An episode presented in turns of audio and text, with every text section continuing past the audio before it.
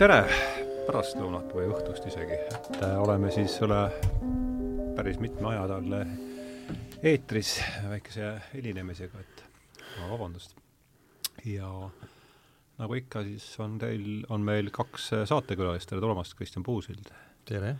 tere tulemast, Ivar Trööner, et Ivar, sina oled meil nüüd, sa pole tükk aega käinud, aga sa on, sa olid, eks ole, Alariga olid ma, kuues saade. on kuues, vaat särge või? Alar, Jelena, Kristiina, Mihkel, kes veel oli?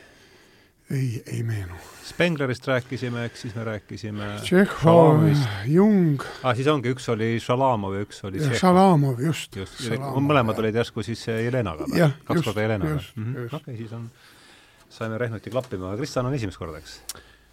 selles saates tähendab, see eetris sa esimest korda, ma olen üsna ilmselt küll, aga et Riko saates, Riko saates oli, selles stuudios oled sa varem käinud, eks? ja, ja, ja siis sa käisid meil esinemas ka sellel äh, raamatu esitlusel, on ju. Mm -hmm.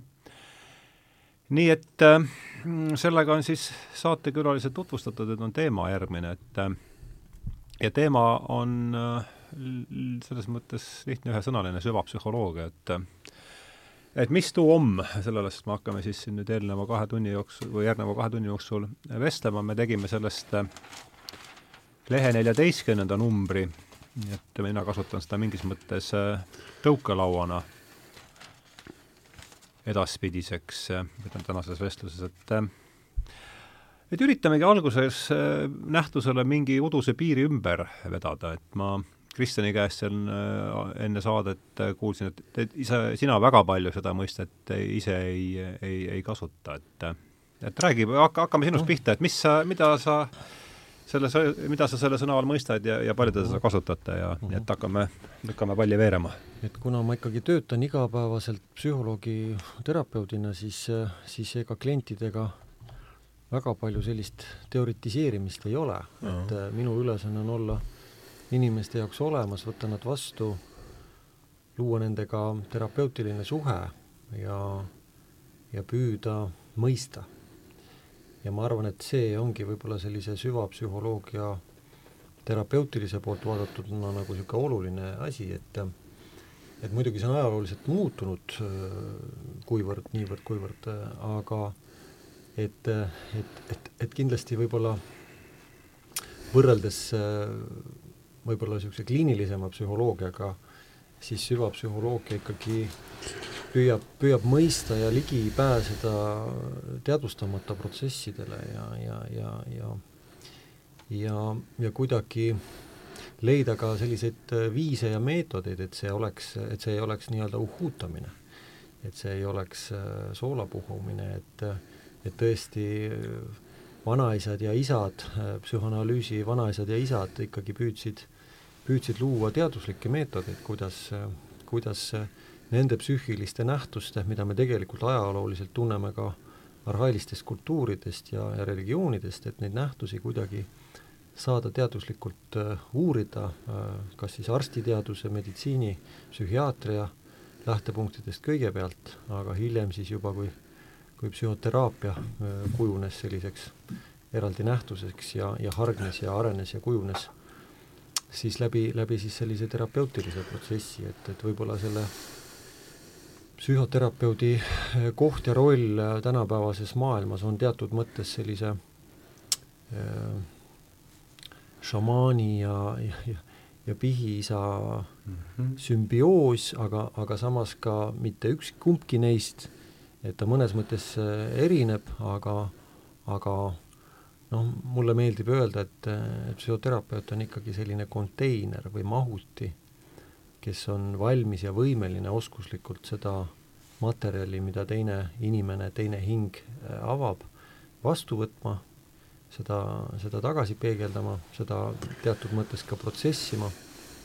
Ja, ja teistpidi äh, analüütik on ka, ka inimene, kes analüüsib, ehk siis äh, Äh, uurib äh, mõnes mõttes nagu detektiiv mm., et püüab jälile saada sellele, et, et mis siis ikkagi on probleemiks või, või mis on see äh, jada või ahel, mida pidi inimene on jõudnud sellesse punkti kus siis kas suhtes välismaailmaga või, või sisemaailmas on mingit laadi konflikt, mis siis argielu äh, häirib, segab ja, ja muidugi võib-olla viimane oluline mõte, mis, mis analüüs, analüütilist psühholoogiat võib-olla iseloomustab, on see, et noh, ma, ma, ma ei saa freudismi eest nagu sajaprotsendiliselt rääkida, aga ana-, jungiaanluse puhul küll, et et, et klient ikkagi ise on oma protsessi kõige olulisem figuur, ta ise vastutab oma protsessi eest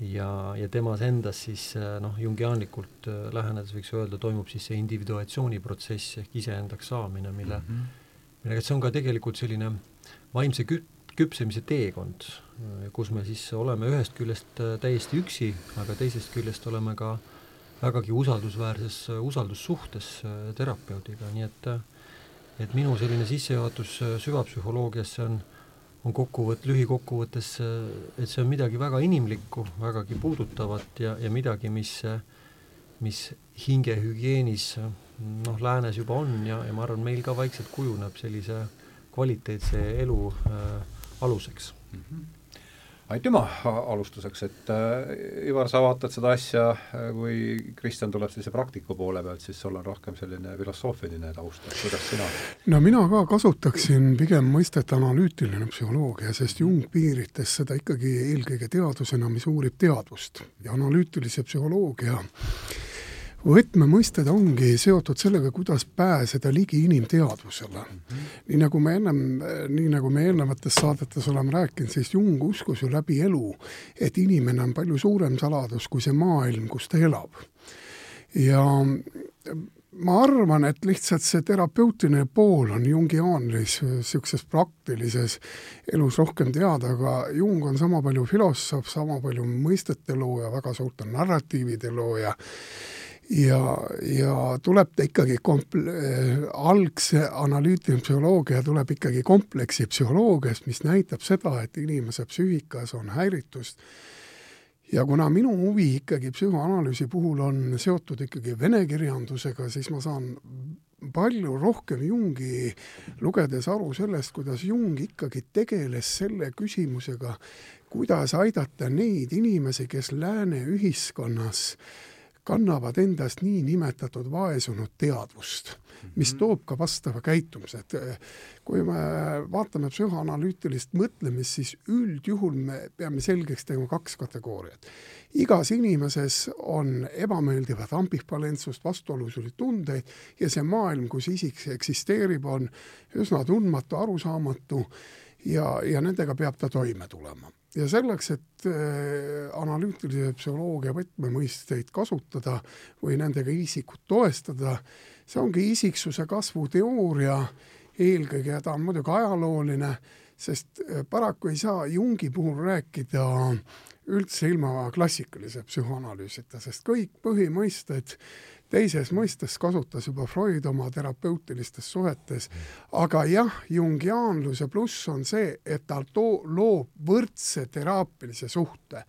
et kus klient ei ole ainult ülekande mingi objekt või subjekt, vaid äh, nagu ka Jung oma teraapilistes töödes ütleb, see protsess on dialektiline, ta on mm. dialoogiline ja dialoogi kaudu sünnibki võrdsus, mida siis terapeutilises suhtes luuakse ja Jungi tähtsus võib-olla ongi psühhoteraapia maastikul see, et ta toob selle demokraatia, sisulise demokraatia mõiste mm. -hmm. et patsient, ka sellised mõisted nagu patsient, mis viitavad hierarhilistele suhetele, aga, aga väga selgelt see jungiaanlik teraapia on demokraatlik, ta ei kasuta hierarhilisi meetodeid ja üldiselt noh, ma ei nimetakski teda meetodiks, vaid ta on teatud elufilosoofia, mida teatud mõistete kaudu õpetatakse terapeut praktiseerima siis üksikisikut. Ja ja Jungi puhul just ongi see väga lai haare, et kui äh,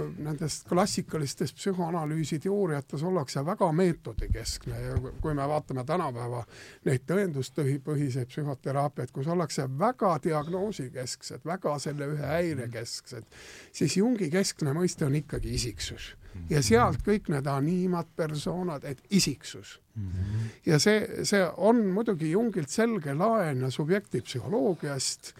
ma just eile vaatasin veel üle et mõista natuke seda isiksuse tüübi psühholoogiat Jungi puhul paremini William Jamesi käsitlust. teatavasti James võttis ka neli mõistet nagu teadvuse vool, eh, tahe, oskus, mis aitab nagu isiksust konstrueerida sellises eh, psühhoteraapilises mõttes, et ja, ja Jung täpselt samamoodi, et eelkõige oma loomingu alguses pidas ta oma meetodit pragmatistlikuks, ta mm -hmm. luges väga palju William Jamesi ja tema varase, väga kõvasti, sest kogu tema tüübipsühholoogia pärineb ju sisuliselt Jamesilt. kuidas William Jamesiga kohtumis minu meelest üheks tuhat üheksasada üheksa, jah. olulisemaks kohtumiseks oma elus. jah, ja ma olen ka kirju natukene lugenud ja neid vähe, vähe, neid väheseid, mis on säilinud, sest tänaseks on ka William Jamesi teaduslikus väljaandes peaaegu kaksteist väga paksu mahukat köidet tema kirju, mis annab väga suurepärase sissevaate selle võib-olla kõige olulisema psühholoogia autori puhul üldse. aga, aga analüütiline psühholoogia on samamoodi ajalooline, ta on arenguline, et et näha teda ainult kitsalt sellise Jungi, postjungiaanluses, kus liigutakse väga tihedalt juba visuaalkultuuri maailmas mm, -hmm. aga seesama sümbolism, millele ka analüütiline psühholoogia, see on tegelikult ju vana kristliku keele elustamine, sest kui me mõtleme, millisel viisil keskmine kristlane suhtles kõige kõrgemate entiteetidega, siis selleks oli ju sümbolid mm. -hmm. me ei räägi ju tekstidest, keelest, eh, mingisugusest verbaliseeringust, et mm -hmm. Agustinuselt ta laenabki selle niinimetatud nägemusliku sümboli mõiste. sümbol tõlgib reaalsust alati rohkem mm -hmm. kui sõna mm. -hmm. ma siinkohal võib-olla mm -hmm. äh, natuke veel toetuseks siia niisugust terapeutilist pilti sama jutu taustal äh, juurde, et ja tihtipeale, mis teraapiaprotsessis, kui inimene tuleb esmakordselt sellest maailmast, mille koht, millele ka Ivar viitas, milline see maailm on, kus me täna elame siin läänes. et kui ta satub siis teraapiaruumi, siis äh, ta on ka oma, omamoodi nagu lõksus või, või, või võiks siis öelda, et see väljendub teatud ebamugavuses ja, ja kindlasti ka esialgu vastupanus, et, et, et see esiteks juba see, et, et, et ma olen, et ma ennast kellelegi avan, on ju, paljude inimeste jaoks, kes on ka ütleme sellise nõukaaegse lapsepõlve ja selle õhustikuga tulnud, on ju, on, on, on väga ebamugav ja harjumatu. ja teisest küljest see hing karjub sellise kontakti, tunnete väljenduse, tunnete jagamisvõimaluse järele. et siis inimene jääb kuidagi sinna niimoodi, niimoodi lõksu ja, ja, ja kokkuvõttes siis, või teisest küljest äh, mis puudutab seda sümbolismi või sümbolite maailma, et siis äh, äh, analüütilises psühhoteraapias noh, neid kohti või, või viise, mille kaudu sümbolitega tööd tehakse, on mitmeid, et noh, klassikalisem on, on unenägude nii-öelda analüüs, kuigi see on ka noh, natuke sulgudes, et see, see ei ole päris selline analüüs, nagu, nagu võib-olla Freudil või, või freudistlikel koolkondadel on, aga teine on siis niisugune aktiivne kujutlus ja kolmandaks, mida siis ka see on see active imagination. jah, et kolmas, mida me siis ka siin praktiseerime ja, ja, ja mida ka mina olen õppinud, on siis selline liivateraapia või liivakasti eh, töö, kus siis on, on teraapiaruumis on siis kapitäis või riiulitäis eh, erinevaid sümboleid, eh, siis on olemas selline ristkülikukujuline sinise põhjaga liivatäis kast ja, ja inimesel on siis võimalik korvikesse võtta sealt sümboleid, mida nii-öelda käsi võtab, mida täpselt ei tea, miks, et see, et see on selline intuitiivsem äh, viis äh, saada, saada kontakti sellega, mis seal psüühika süvakihtides võib-olla on.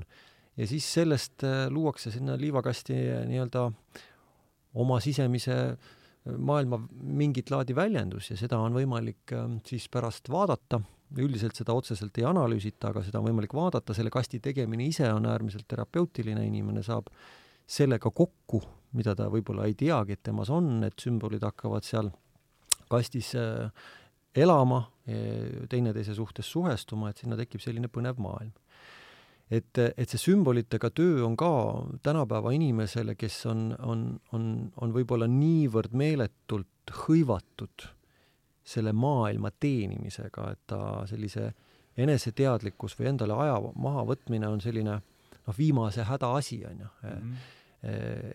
et, et ei ole see selline e, elu loomulik osa, kuigi me näeme selle nagu sellist teist külge, kontrakülge jällegi selles, et väga paljud praeguse aja inimesed kuidagi mingil sisemisel või intuitiivsel põhjusel otsivad seda tasakaalu siis läbi selle, et nad äh, püüavad tegeleda suurte vaimsete asjadega, alates joogast, lõpetades igasuguste erinevate praktikatega, lihtsalt küsimus on, et mis nende praktikate nagu sees päriselt toimub, et kas seal inimene kohtub ikkagi endaga või ta mängib veel kord tarbimisühiskonna sellise mängu läbi ja, ja jääb seal samamoodi täpselt samasse mustrisse, samasse lõksu ja, ja tegelikult ei, ei tule teadvale, et, et mis, mis tema sees päriselt toimub et vot seda sümbolite poolt äh, teraapias äh, see avaneb ja, ja sellega kohtumine võib esialgu tekitada vastupanu, see võib olla ebamugav, aga ütleme, et kui inimesed on juba pool aastat, aasta teraapias käinud, tuletan siis meelde, et analüütiline psühhoteraapia on selline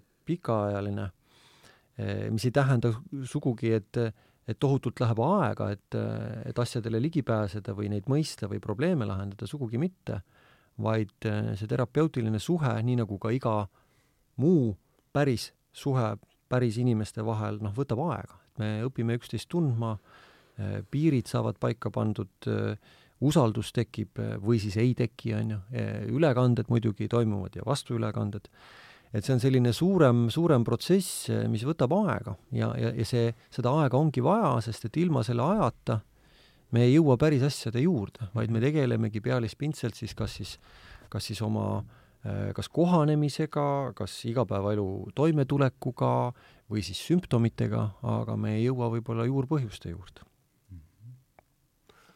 nii, siin on nüüd mitmeid niidiotsi, kus jätkata, et panin siin esimesena siis vastandipaarina kirja süvapsühholoogia versus kliiniline psühholoogia, et ma saan aru, et see kliiniline psühholoogia on siis selline sümptomi ja äh, diagnoosikeskne samal ajal kui ma tuleksin selle liini juurde veel tagasi, kus pooleli jäi?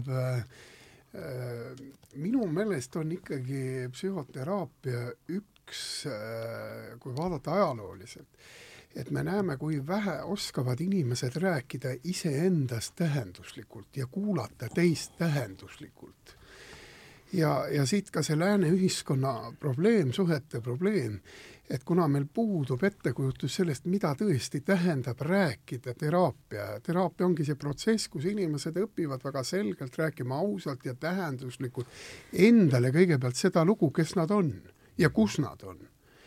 Et selline tühi kommunikatsioon lään-, lääne ühiskonda vaevabki selline tühi kommunikatsioonimustrite maailm, mis on ka lähisuhetes ja psühhoteraapia, ka jungiaanlike tera- ja eriti eksistentsiaalteraapiates on väga tähtis see, et inimesed kommunikeeriksid oma sõnumeid ja sümboleid ausalt ükskõik kui dramaatilised need lood on, paraku on see tõesti seotud meie postsovjetliku minevikuga, kus inimesed elasid mingisugustes fikseerunud rollides, elavad ka tänapäeval, saamata aru, et lõppude lõpuks psühhoteraapia või analüütiliste teraapiate eesmärk on isiksuse autentsus ja unikaalsus.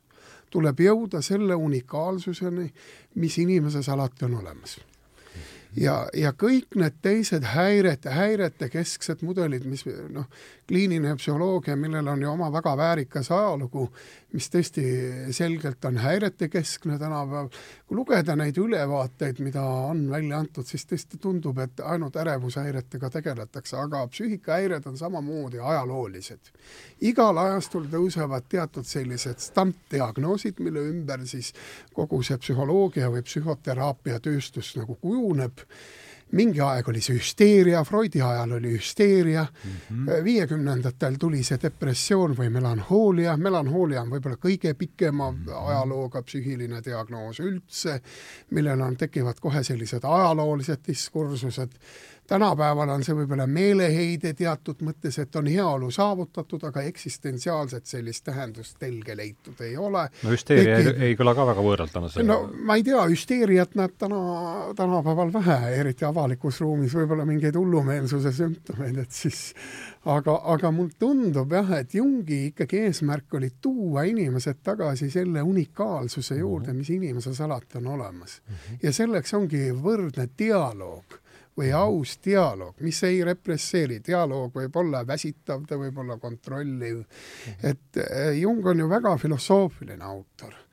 ja sümbol, sümboli pluss on see, et sümbol ei valeta keeleliselt ja keelemängud, noh, juba Freudist me saime aru, et keel väljendab rohkem valesi kui tõdesi.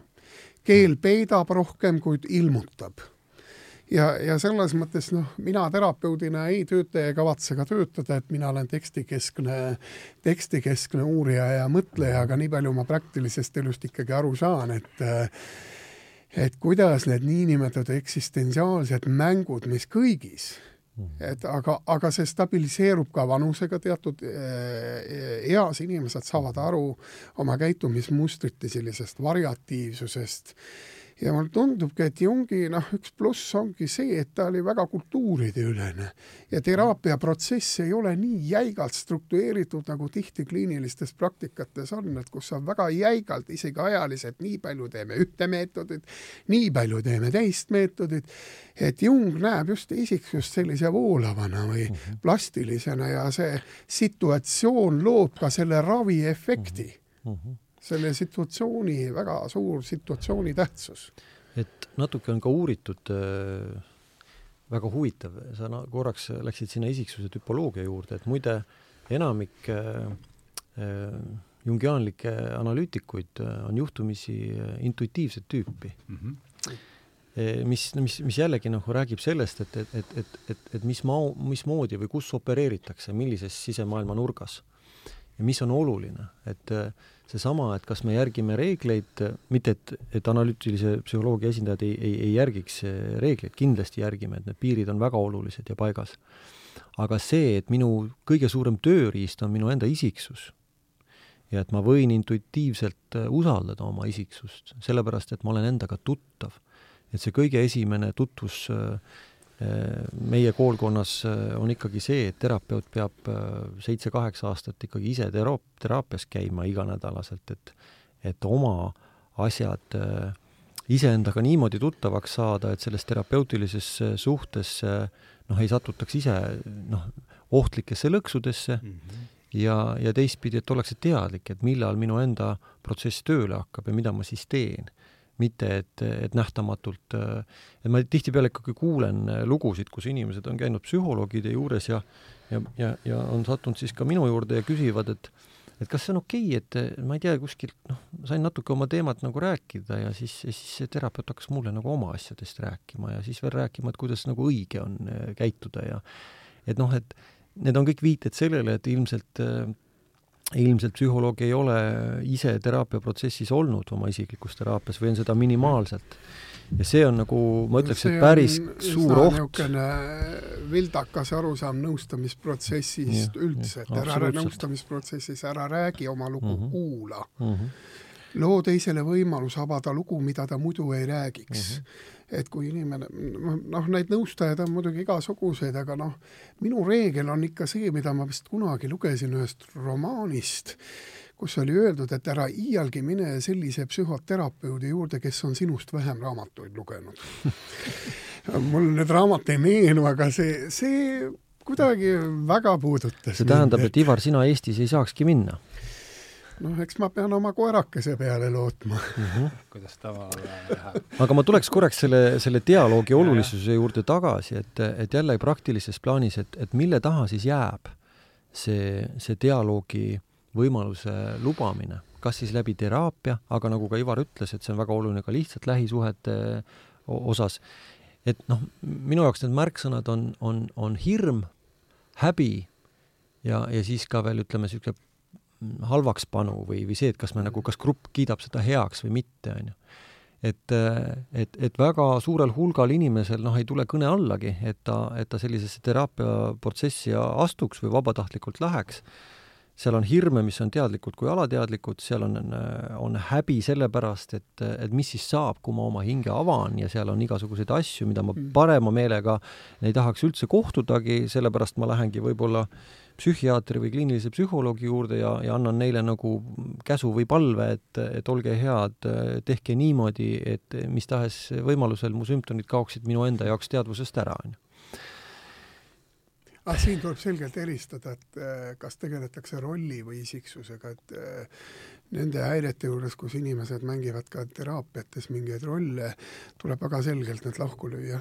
et rollide mängimine näitabki fragmenteeritud isiksust ja väga selgelt, et ei olda oma teadvuse alateadvusega kontaktis ja selle rolli üks eesmärk on, ta on kaitsemehhanism, see on tüüpiline kaitsemehhanism, te tõite siin välja häbi, sotsia-, samamoodi sotsiaalse hinnangu kartus mm, -hmm. aga ka lihtsalt väga tihti uuringutest tuleb välja ka võimetus väljendada seda mm, -hmm. mida tahetakse väljendada mis tuleb ka puhtalt sellest, et inimesed ei, on hingeliselt jäänud nii-öelda poolhariduse lõksu mm ja kui on vaja ka oma emotsioone, tundeid väljendada, siis selleks puuduvad vahendid mm. -hmm. ja teraapiaprotsessi üks osa ongi anda inimesele autonoomselt mm -hmm. need vahendid, millega ta saab ennast avada mm -hmm. sellisena, nagu ta on absoluutselt, et, et tihtipeale seda olukorda ikkagi juhtub äh, teraapiaruumis, et kui ma küsin, et et kuidas sa ennast tunned või mida sa praegu tunned mm, -hmm. siis selle koha peal noh, meil on äh,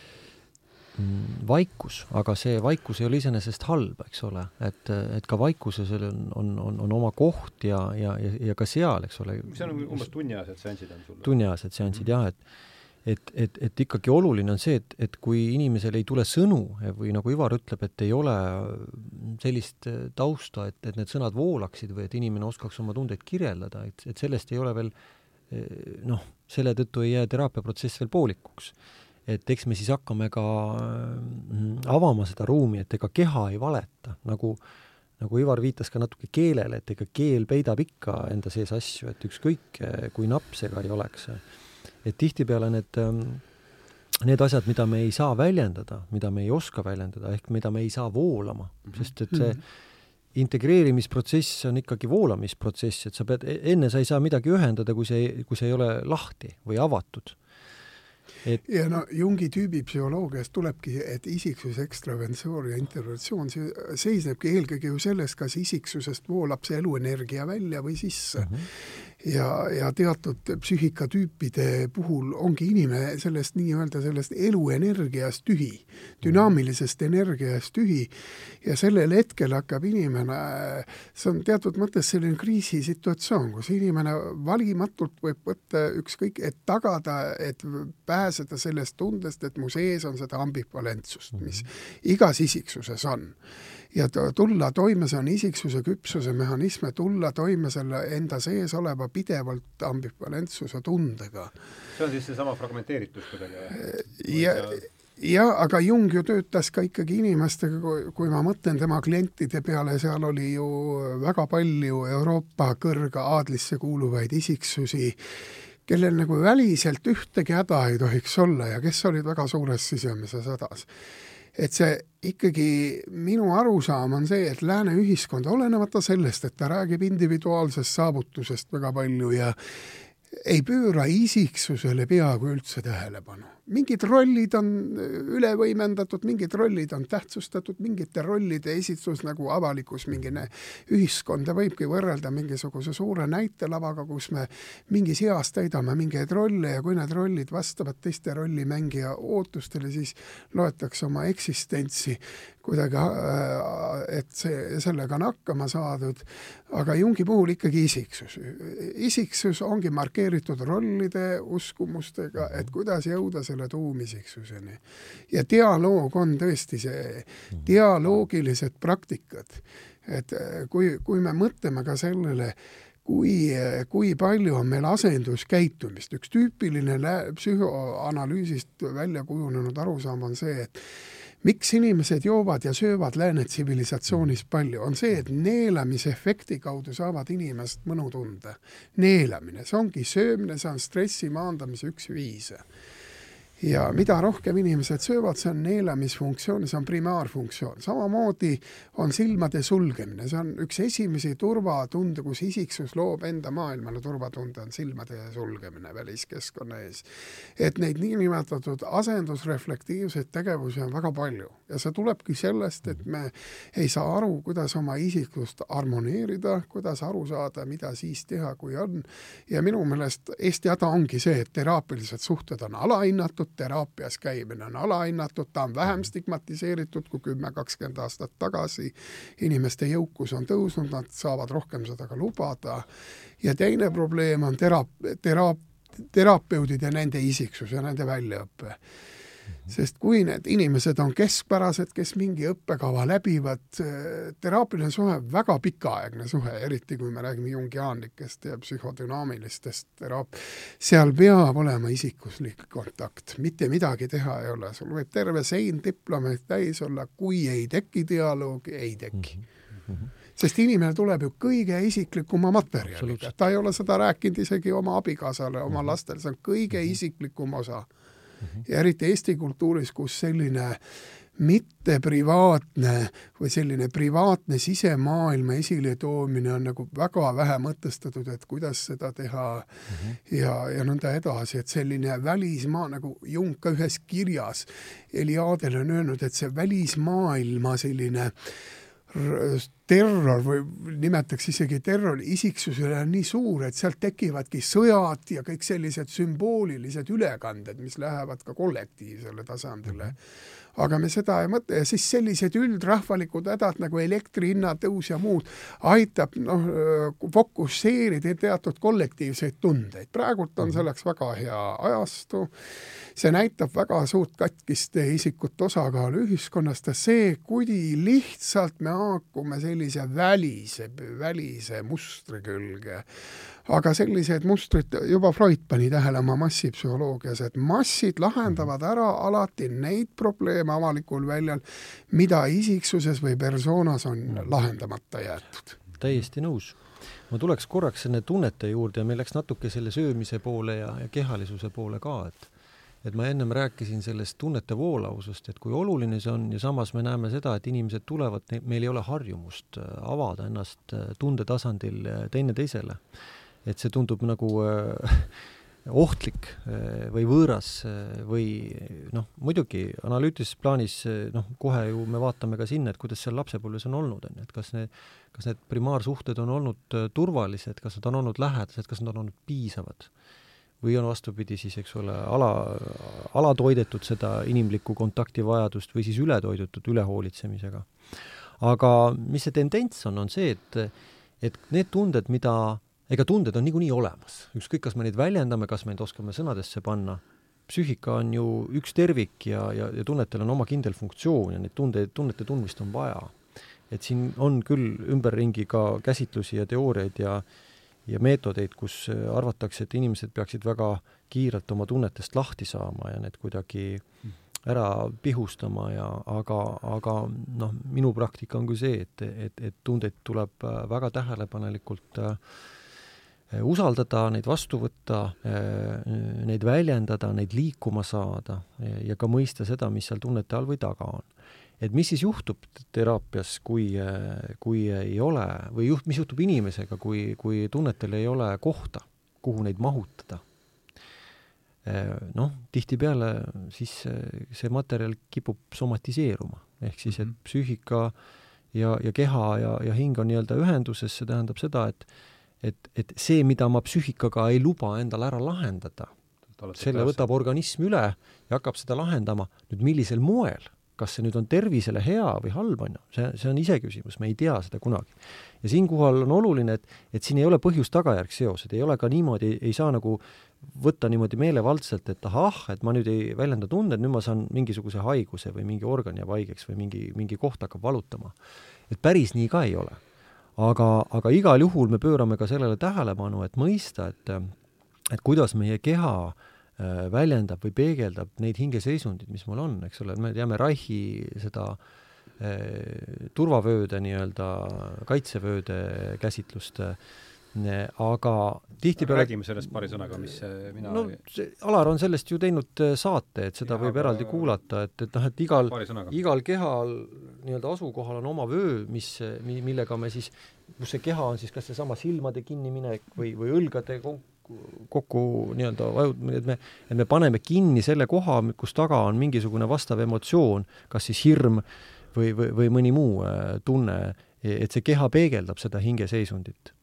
aga muidugi on ka vastupidi, et äh, teraapiasse satutakse noh, niimoodi, et inimene ütleb, et äh, ma ei tea, et, et olen kõik arstid läbi käinud, siin-seal on see, see koht haige, on ju, kõik arstid ütlevad, et uuringud on tehtud, et kõik asjad on korras. et tulevad inimesed ka selliste kehaliste absoluutselt, absoluutselt tulevad. sest et arstid on lõpuks öelnud, et, et võib-olla, võib-olla lähete, uurite, mida, mida psü-, psühhoterapeut või psühholoog arvab asjast, on ju. et see psühhosomaatiline pool on, on meil vägagi kohal ja noh eh,, täpselt samamoodi, nagu me oleme võõrad oma, oma hingele, mina, kes ma olen ikkagi eluaeg ka niisuguse spordi ja füüsilise poolega kokku puutunud, ma tean, et me oleme ka väga võõrad oma, oma kehale. ja, ja kui nad on kokkuvõttes ühe ja sama nähtuse kaks poolt, eks ole, siis me, siis me oleme samamoodi lõksus ja ja, ja kui huvitav on, kuidas siis teraapiaprotsessi käigus, kui me liigume noh, et kui, kui selle kliendi fookuse saab sellelt probleemilt ja probleemi lahenduselt selliselt äh, saab, saab siia enda juurde ja inimene saab hakata mitte nüüd pingutatult lahendama oma, oma ma ei tea, sõrme või, või, või südame või, või, või käe probleemi, mhm. vaid et ta saab hakata lõdvaks laskma, ta saab mhm. hakata ruumi tegema oma hingelistele protsessidele, siis oh imet, on ju, mingitel hetkedel need kohad lähevad lahti mm, -hmm. nad lähevad vabamaks, saavad liikuma, kui me siia lisame veel mõned sellised ja praktikad. ikkagi reaalsed juhtumid su praktikas. absoluutselt, absoluutselt, ma nüüd detailselt ei hakka kellegi näiteid tooma, aga no, nad on olemas ma.... ja, ja viimane mõte, mis ma tahtsin öelda, et ja, ja kui me räägime ka siis sellise äh, sellisesse töö, kehalise töö eh, harjumusse või viisi, on ju, siis, siis me mõnes mõttes oma keha suhtes oleme ikkagi nagu, nagu sunnitöölised, on ju. Mhm. et me teeme asju, mille puhul me ei ole ise üldse tunnetanud tihtipeale, kas me üldse vajame seda, no ehe näide on see, kuidas äh, noh, võib-olla sellised ületöötavad või isegi töönarkomaaniasse kalduvad äh, väga edukad äh, keskealised mehed, äh, kui nad lõpetavad oma tööpäeva ära, on ju, siis selle asemel, et oma kehal lasta nüüd lõdvestuda, välja lülitada, taastuda, on ju, nad lähevad siis suusa- või triatloni rajale ja tõmbavad veel kolm-neli tundi nagu pingutust otsa, on ju. selle asemel, et noh, tervikuna pakkuda endale lõdvestavat puhkemehhanismi, on ju, selle tulemus on lihtsalt see, et ühel hetkel organism ütleb üles, ükskõik kas psüühika kaudu või, või, või keha kaudu, et et vot seda, seda teadvele tulekut selle osas, et kas ma tõesti võtan endale aega mm, päriselt tunnetada. Ja kui ma ise seda ei suuda, kas ma siis astun dialoogi, kus see peegeldus on mulle vastuvõetav? Ja tihtipeale teraapias esialgu ei ole, et meil läheb aega sellega, et, et mingid peegeldused võivad vastupidi käivitada inimest ja kui inimene on agressiivne või, või, või ütleme, on, on, on selliste, selliste võib-olla teismeea käitumismustritega igapäevaselt toimiv, mitte selliste küpsemate täiskasvanutega, siis, siis, siis loomulikult see tuleb ka siia teraapiasse ja terapeudi ülesanne on võib-olla sellepärast Ivar ei tahagi terapeudiks saada, on, on, on, on see ikka ka see vastu võtta tingimusteta, et jah, ma võtan sa, sa, sinuga sellisena vastu sellises olukorras, mitte ei lükka sind tagasi ega ei karista ega ei õienda sind. vot see on see, mis inimestel on puudu, sest me oleme ikkagi tulnud ka kultuuriliselt eh, noh, kohtadest, kus, kui sa teed valesti, siis sa oled süüdi, mitte see, et eh, okei okay, on ju, eh, ma võtan su vastu ja ja, ja vaatame, mis, mis siin veel sünnib. Mm. -hmm põhjus on lihtne, minu jaoks on raamatud alati huvitavamad kui inimesed. Mm.. sellest, sellest piisab, aga. Aga minu meelest jah, kui me mõtleme tunnetele, et siis see on ju emotsioonipsühholoogia üks osa ja algselt ju kõik tunded ja need aitavad ju kohast, kohandada inimese organismi selles tõesti väga keerukas äh, sümbioosis, milles on väline keskkond. ja noh, see, et tõesti häired muutuvad seal psühhosomaatiliseks, see on hästi-hästi vana teadmine. aga küsimus on ka kultuuris, kui palju kultuur lubab noh, kui me mõtleme meeste ja naiste rolli erinevusi, meeste ja naiste tervisekäitumise andmeid, vaatame, kuidas mehed-naised keha, kehaliselt avalikus ruumis ennast välja näitavad, et siis sellel on ka väga tihti kultuurilised põhjused. et miks ma teatud viisil käitun, miks ma teatud viisil mõtestan oma keha, aga, aga mulle, noh, mulle ka näib see, et ikkagi Eesti kultuur ja Eesti suhtekultuur muutuks tervemaks, kui inimesed äh, rohkem kas siis käivad psühhoteraapias, võib ka käia kirikus, Jung rõhutas väga tähtsalt hingehoiutööd. et lähed oma kogudusse, mina hindan selles osas väga katoliku õigeusu kirikut, kus spirituaalsusel ja hingehoiupraktikatel on tuhandeaastane ajalugu hingehoiuõpikuid kirjutati juba aastast tuhat nelisada. see, et psühhoanalüüs kasutab teist terminoloogiat ja teist keelelist mõtestamist, ei tähenda, et need eh, jesuiitide kirj-, ma olen ise näinud eh, välismaa antikvariaatides jesuiitide kirjutatud hingehoiuõpikud ja need on pika puuga üle ükskõik millistest psühhoteraapia raamatutest, mida ma olen ka kümnete kaupa lugenud, kus sõnavara ja kõik, isegi juhtumid korduvad ja vead ka korduvad. aga, aga, aga seesama arusaam, et inimene on dialoogiline, ta vajab dialoogi nii oma rõõmus kui hädas. selle teadvustamine.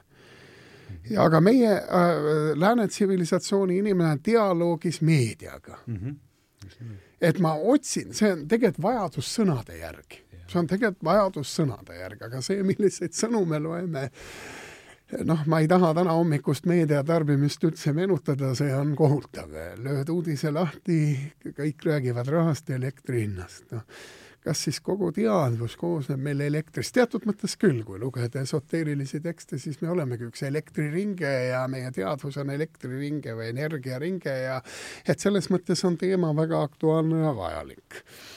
Aga, aga teraapilises suhtes jah, selle pluss ongi see, et kui on vähegi usaldusväärne ja inimene ei suruta mingisuguse meetodi keskse lähenemise ohvriks, mida väga tihti on, et on väga jäikade meetoditega, et siis siis ma usun, et see tervendab, sest Jung ikkagi väga uskus dialoogi tervendavasse võimesse. sõna tervendavasse dialoog, üks, see võib olla ka silmside, see võib olla naeratus, kui te mõtlete väikestele lastele, siis enamus dialoogist või sellist rahuldavast dialoogist on mittesõnaline. ka komp-, kompaatiline dialoog, et sa katsud inimest, tead, et mind just see Reich, William Reich ju väga rõhutas seda, et teraapia peab olema ka manuaalne, sest mõelge, mida tähendab inimesele puudutus raskel hetkel et, et see, et me oleme kapseldanud psühhoteraapia mingi sõnamänguks, kus on ainult sõnaline osa, on, on ka üks hälv, hälve mhm. teraapia, et ei, sa ei või klienti toetada, kui palju võib inimesele tähendada see, kui keegi kallistab sind raskel ajal, võtab käest kinni mhm. ütleb, sa oled oluline, see kompaatiline osa. ma olen Ivariga nii nõus, et, et see kultuuri osa on siin äärmiselt tähtis, sellepärast et kui meil ei ole sellist kultuuri, mis seda kannaks, siis me igal juhul oleme nii-öelda katastroofi lävel oma, oma, oma, oma hingeelu osas. sest et kui vaadata siin hiljutist statistikat, siis äh, kui ma ei eksi, siis äh, siin just äh, selle viimase paari aasta, selle nii-öelda koroona keskse aja mm, statistika on, on siis selline, et, et ka perearstidel on, on ette nähtud teatud hulk raha, mida nad saavad kasutada siis selleks, et suunata oma kliente äh, psühholoogilise abi suunas Aha. ja, ja ma just kuulsin uudist, et et kui ma ei eksi siis, siis seitsekümmend protsenti sellest rahast äh, jäi kasutamata.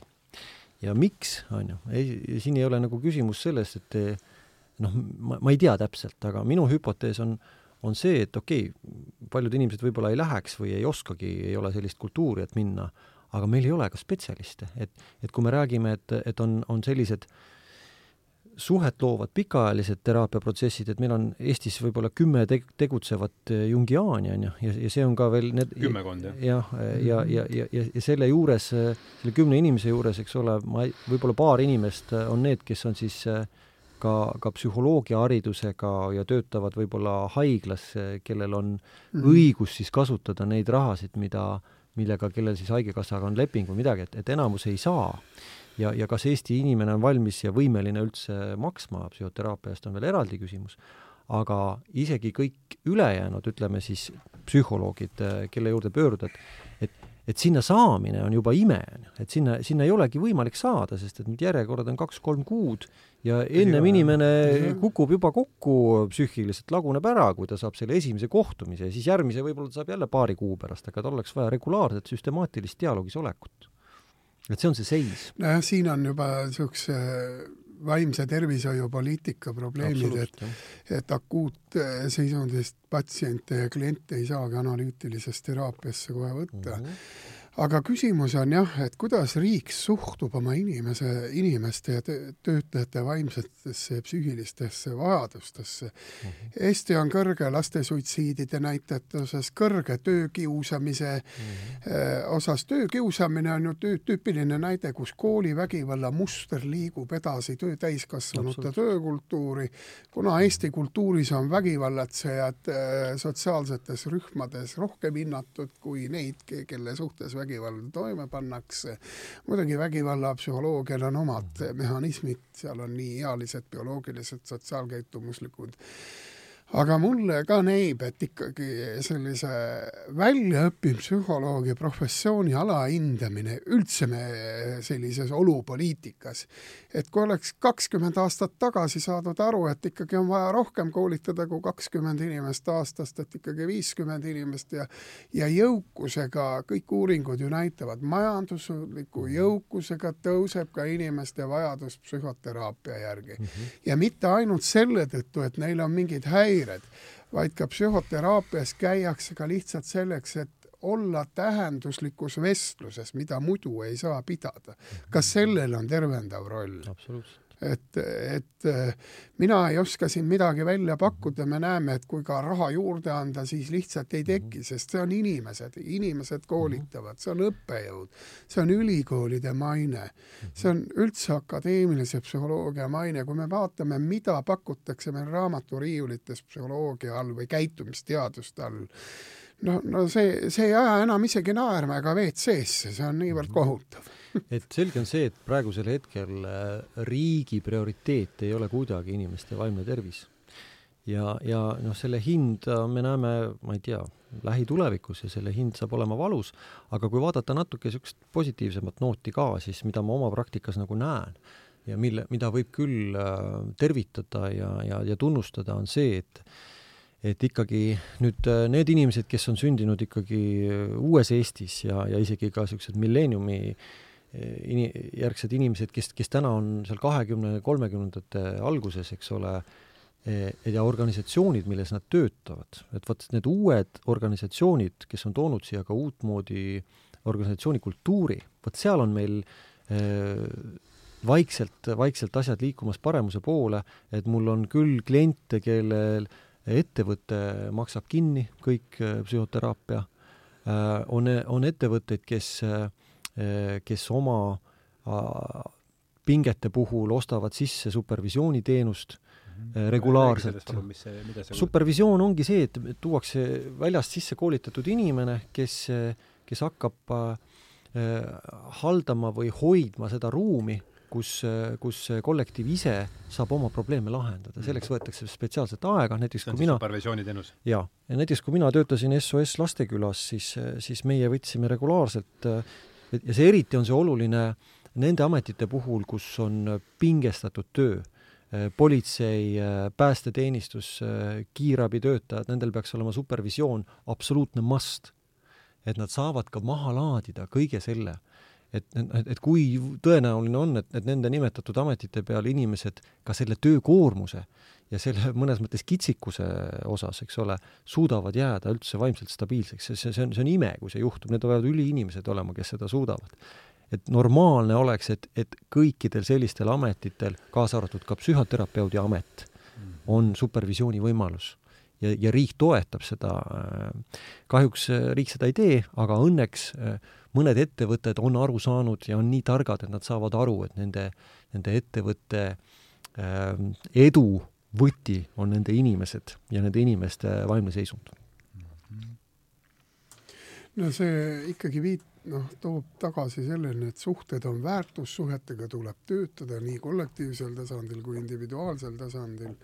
noh, mujal äh, lääneriikides on ka levinud selline kindlustussüsteem, kus kui inimesel, et inimene saab ka läbi kindlustuse psühholoogi mhm. teenust või kriisiolukorras, et ei, et ta ei jää nagu ootama meil selle esmaabisüsteemi taha, nagu mhm. meil siin Eestis on, et kas mhm. saab või ei saa ja kelle juurde saad, see on ka veel iseasi ja kas mm -hmm. sa saad, et sa saad ka terapeuti valida, see on ka väga oluline. see kindlustus on vaikselt tulemas, et mõned niisugused, mõned erakoolid võib-olla juba võtavad selliseid äh, on kindlustatud inimesed ja, ja juba ka kindlustuse kaudu vaikselt, vaikselt mujal on see, on see väga, Soomes seesama, see töö kuidas nad nimetavad, see töönõustamine, mis ongi noh, mhm. lihtsalt äh, see supervisioon on keerulise nimega eh, rühma, kus tõesti tuleb analüütik, aitab rühmaprotsesse läbi töötada, suhtemustreid, sest tõesti kui suhted lähevad ettevõttes või igasuguses mm -hmm. töömustris halvaks, koledaks, siis langevad ka tulemused, inimeste heaolu kannatab, nad võtavad rohkem haiguslehti, nõnda edasi, et see on juba seal aastakümneid töötanud ja algas see kunagi psühhiaatriahaiglatest, kus tõesti neid väga raske professiooniga inimesi, kus toetati ja see on väga läbimõeldud professioon, väga läbimõeldud tegevus, mis toimub. meil on ta nagu valikuline, aga ta on olemas. Eestis on ka rühma superviisorid, nad käivad ja et see, aga see võiks olla nagu laiem jah, ega mulle tundub, et ühest küljest meil justkui eriti psühholoogidest puudu justkui ei ole, et ähm, Tartu Ülikoolist ja Tallinnast neid ju peaks tulema nagu nagu saelaudu, mulle tundub. no selle kohta mul on oma isiklik kogemus, et aga, aga jah, see teine number, mis siit läbi käis, et jungiaanliga analüütikuid on kümmekond, et kuidas siin need kuidas need käärid no nii see elu on, ega, ega kui mina lõpetasin Tallinna Ülikooli psühholoogia äh, viis aastat sa selle? jaa, viis aastat seda õppisin, siis, äh, siis ma olen ülimalt tänulik, et ma ei hakanud psühholoogiks mhm. äh, kahekümne nelja aastaselt. sest et äh, kindlasti minu enda üsiksus, noh, ma ei arva, et ma praegugi olen kuidagi nii küps või valmis, et ega inim-, inimese enda protsess kestab eeldatavasti võib-olla elu lõpuni, aga, aga ma täna tunnen ennast kindlalt selles osas, et selles tera-, teraapia rollis, et et ma olen, olen mingid olulised teekonnad nagu läbinud. mis sa pärast lõpetamist tegid? Räägi oma sellest mm, läks, läks, kui, kui päris aus olla, siis ma sain aru, et ma ei saanud mitte midagi väga inimhinge kohta teada. sellest psühholoogiaharidusest teada ja otsustasin Pole olemaski ju sellist asja või? no selles mõttes mingit suhet. aga see amet on kut-, väga seotud kutsumuse mõistega mm, -hmm. et seda, see ei tähenda, et sa lõpetad mingi õppekava ja lähed, et see teise inimese või prosotsiaalsed ametid, kuidas need on, et siis psühholoog, vaimulik, psühhoterapeut, sotsiaaltöötaja, ka õpetaja, kes täidavad oma mm. kutsetöös nõustamisele omaseid kutseoskusi. see on väga palju seotud inimese kutsumusega. Mhm. ja Jung ju seda väga on mhm. rõhutanud, et see on noh, sest sellest sõltub ka see eetiline plaan, kuidas sa töötad inimesega. Mhm. kui see on lihtsalt mingi leivatöö, noh, mis no, sealt tuleb siis? väga, väga väga hästi, vastus sulle on lihtne, et mis ma edasi tegema, ma läksin edasi filosoofiat õppima, sest seal hakkas vaikselt nagu midagigi avanema ja, ja tekkis jah, mingisugune dialoog, et see, see õhustik, mis tollal Humanitaarinstituudis oli ja need inimesed, et, et seal toimusid päris kohtumised, päris inimesed. sa läksid pärast siis, tegid psühholoogiat, siis läksid ehisse? tegin, tegin viis aastat filosoofiat veel juurde.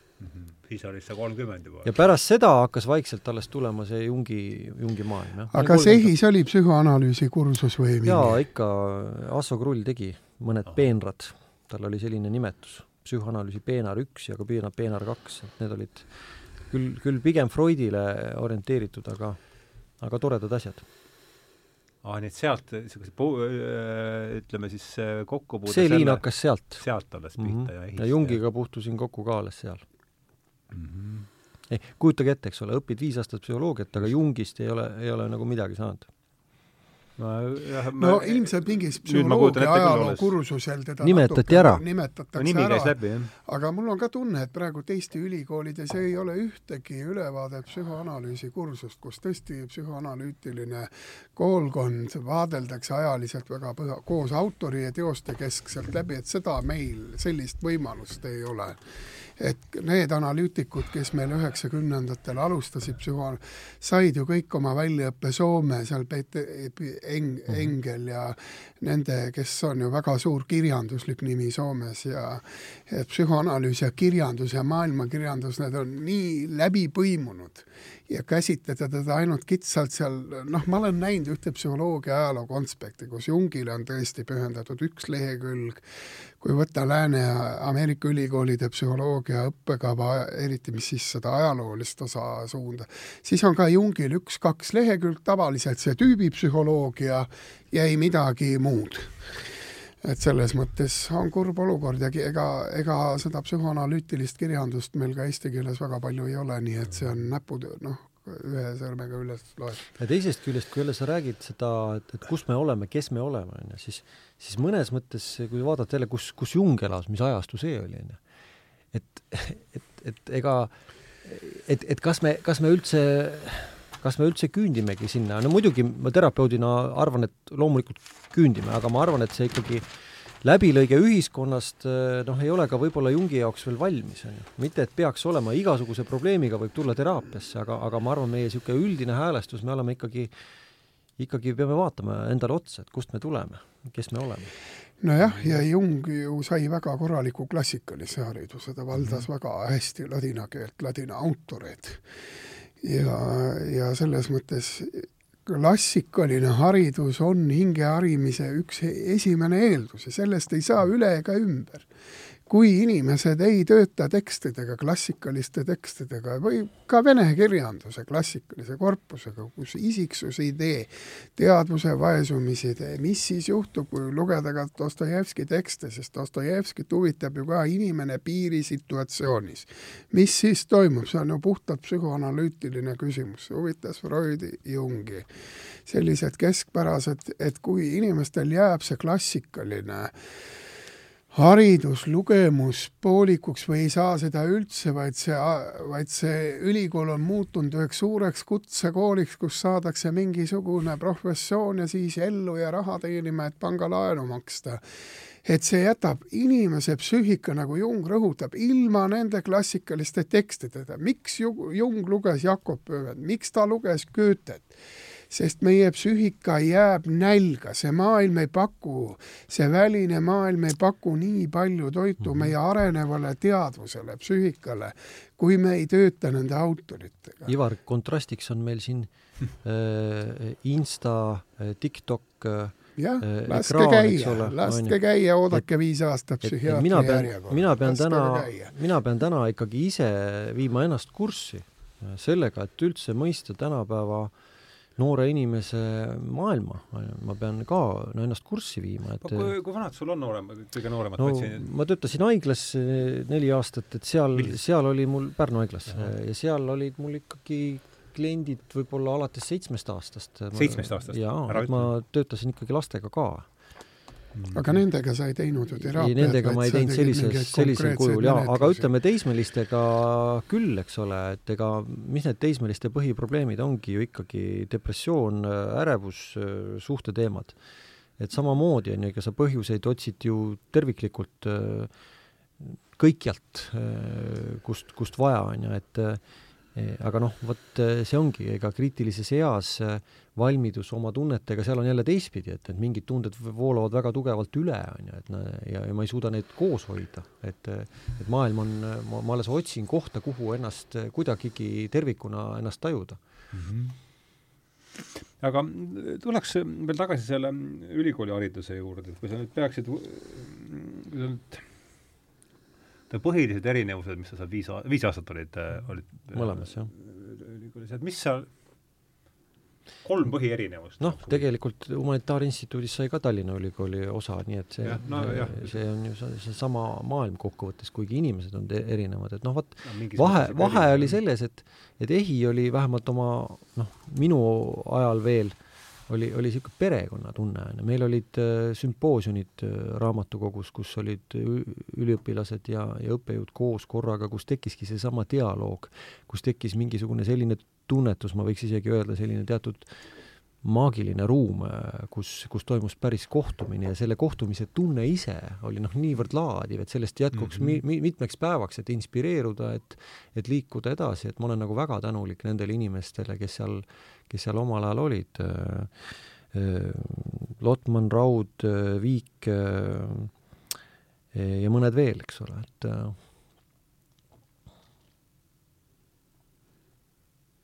no nüüd hinge mõiste käis siit läbi, kas sellist asja ju ütleme, selles esimesel viiel aastal, kas no ikka mitte. ikka mitte, eks ole, mõnes mõttes see ju puudub üldse diskursuses ja. see jah, käitumist, psühholoogia õppekaval uuritakse käitumist mm. -hmm. ikka puhas behaviorism kinni. ja, ja käitumist ja kuidas seda mõõdetakse, kuidas te kirjeldate seda, mida te, kuidas te mõõdate seda, mida te kirjeldate. ja Jungi puhul need raskused tekivad, kuigi Jung eh, ma lugesin ühest kirja, et tema ikkagi elu lõpuni pidas ennast empiiriliseks teadlaseks mm. -hmm ja, ja oma viimastes kirjades ma siin kirjutasin eile välja, kus ta väga selgelt ühes sõnastuses ütleb, et äh, mis pani mind nagu väga mõtlema selles mõttes, et ta nimetab ennast analüütikuks äh,. noh et ühes viimases viiekümnendatel saadetud kirjas väidab, et Jung näeb oma kirjutiste põhjal just ennast empiirilise vaatluse meistrina, mille aluseks on objektiivne, mingi objektiivne eelkogemus, et ütleb, et ma pean moraalseks kohustuseks mitte väita asju, mida inimene ei näe või mille olemasolu ei saa kuidagi tõestada mm. -hmm. ma pean sellest hoolimata epistemooloogilist võimu kuritarvitamiseks, kui nendest äh, kõneldakse, aga need reeglid kehtivad eksperimentaalteaduse kohta. metafüüsikale kehtivad teised reeglid. pean iseennast ja oma elutööd alluvaks eksperimentaalteaduste reeglitele mm. -hmm. sellest tulenevalt ei leidu kuskil minu töös metafüüsilisi mhm. väiteid ega metafüüsilise laadi aine esitust mis tegelikult teatud mõttes on tõesti õige, kui me vaatame analüütilise psühholoogia algust, siis tõesti Jung väga tihedalt äh, töötas kanti mhm. kategooriatega ja ta väga selgelt oma varastes töödes äh, väidabki, et ta kantiaanlik äh, juba see arusaam mõistuse kriitikas, mõistuse või teadvuse läbitöötamine on kantiaanlik mm. -hmm aga kui me vaatame tema teisi tekstikorpusi, siis me ei saa rääkida kuidagi empiirikast, tema alkeemilisi töid, tema punast raamatut, seal ei ole empiirilise psühholoogia mitte mingit no, tegemist. nii palju, kui ta enda ja. sisekogemus on empiiriline mm. -hmm.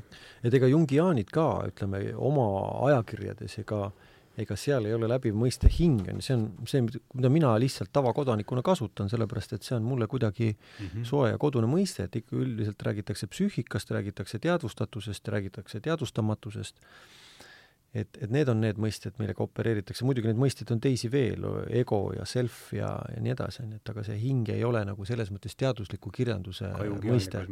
ka seal öö, otseselt. no anima tegelikult ju, anima ju ikkagi on ta põhi, põhimõtteliselt. jaa, aga anima on juba eraldi teema ja arhetüüpide maailm on üldse nojah, aga Jung luges ka Jakob Pöömet, kelle jaoks hing koosneski osadest, mis olid niisugused tuleosad. ja kui me vaatame Jungi isemõistet, siis need on ka osalised. et selles mõttes peab väga vaatama konkreetset teksti, ajastut, mhm. millega Jung tegeles, millist teksti luges, millist autorit, millist teksti ta üldse lõi, sest tema tekstid tulenevad otseselt tema eneseteadvuse tööst, siis ta kasutab puhtalt see tema niisugune tekstide hermeneutika põhinebki väga palju sellest, keda ta sellel sel ajal luges ja oluliseks pidas. Jung on ju samas ka William Wundi töid väga palju kasutanud juba, kui me mõtleme, Wund on ju teadusliku psühholoogia looja, Wundi assotsiatiivsed meetodid. mis see Wundi eesnimi on? William Wund. et juba Jungi assotsiatiivsed meetodid pärinevad puhtalt ju Wundi töödest, Wundi lähenemisest. aga see on niisugune varane Jung ja niisugune tüübipsühholoogia Jung on väga varane Jung. aga Jung jäigi tol aeg, noh lihtsalt see esoteerika või selline piiriteaduslik psühholoogia oli tolle ajal veel tõrjutum, kui ta oli, kui ta on praegu, seal tuleb ka sellist psühholoogia ajalugu ja ta on jõudnud ju praegu massidesse, sellel ajal ju seda ei olnud. viiekümnendatel oli üsna või kui Jung töötas, see oli väga kitsaste õpetlaste huvi, kogu see okultism, hermetism, juudi müstika, et sellega tegeles väga kitsas ringkond, need tekstid ei olnud üldrahvalikult kättesaadavad, nüüd nad on üldrahvalikult kättesaadavad. ma ise proovisin, mul on nüüd kolmteist osa seda Suhari, mis on juudi müstika üks keskne tekst, Daniel Matt on üks Ameerika väga mõjukas äh, juudi tekstide tõlki uurija on andnud lõpuks välja korraliku välja, et mõista just Jungi kabala seoseid.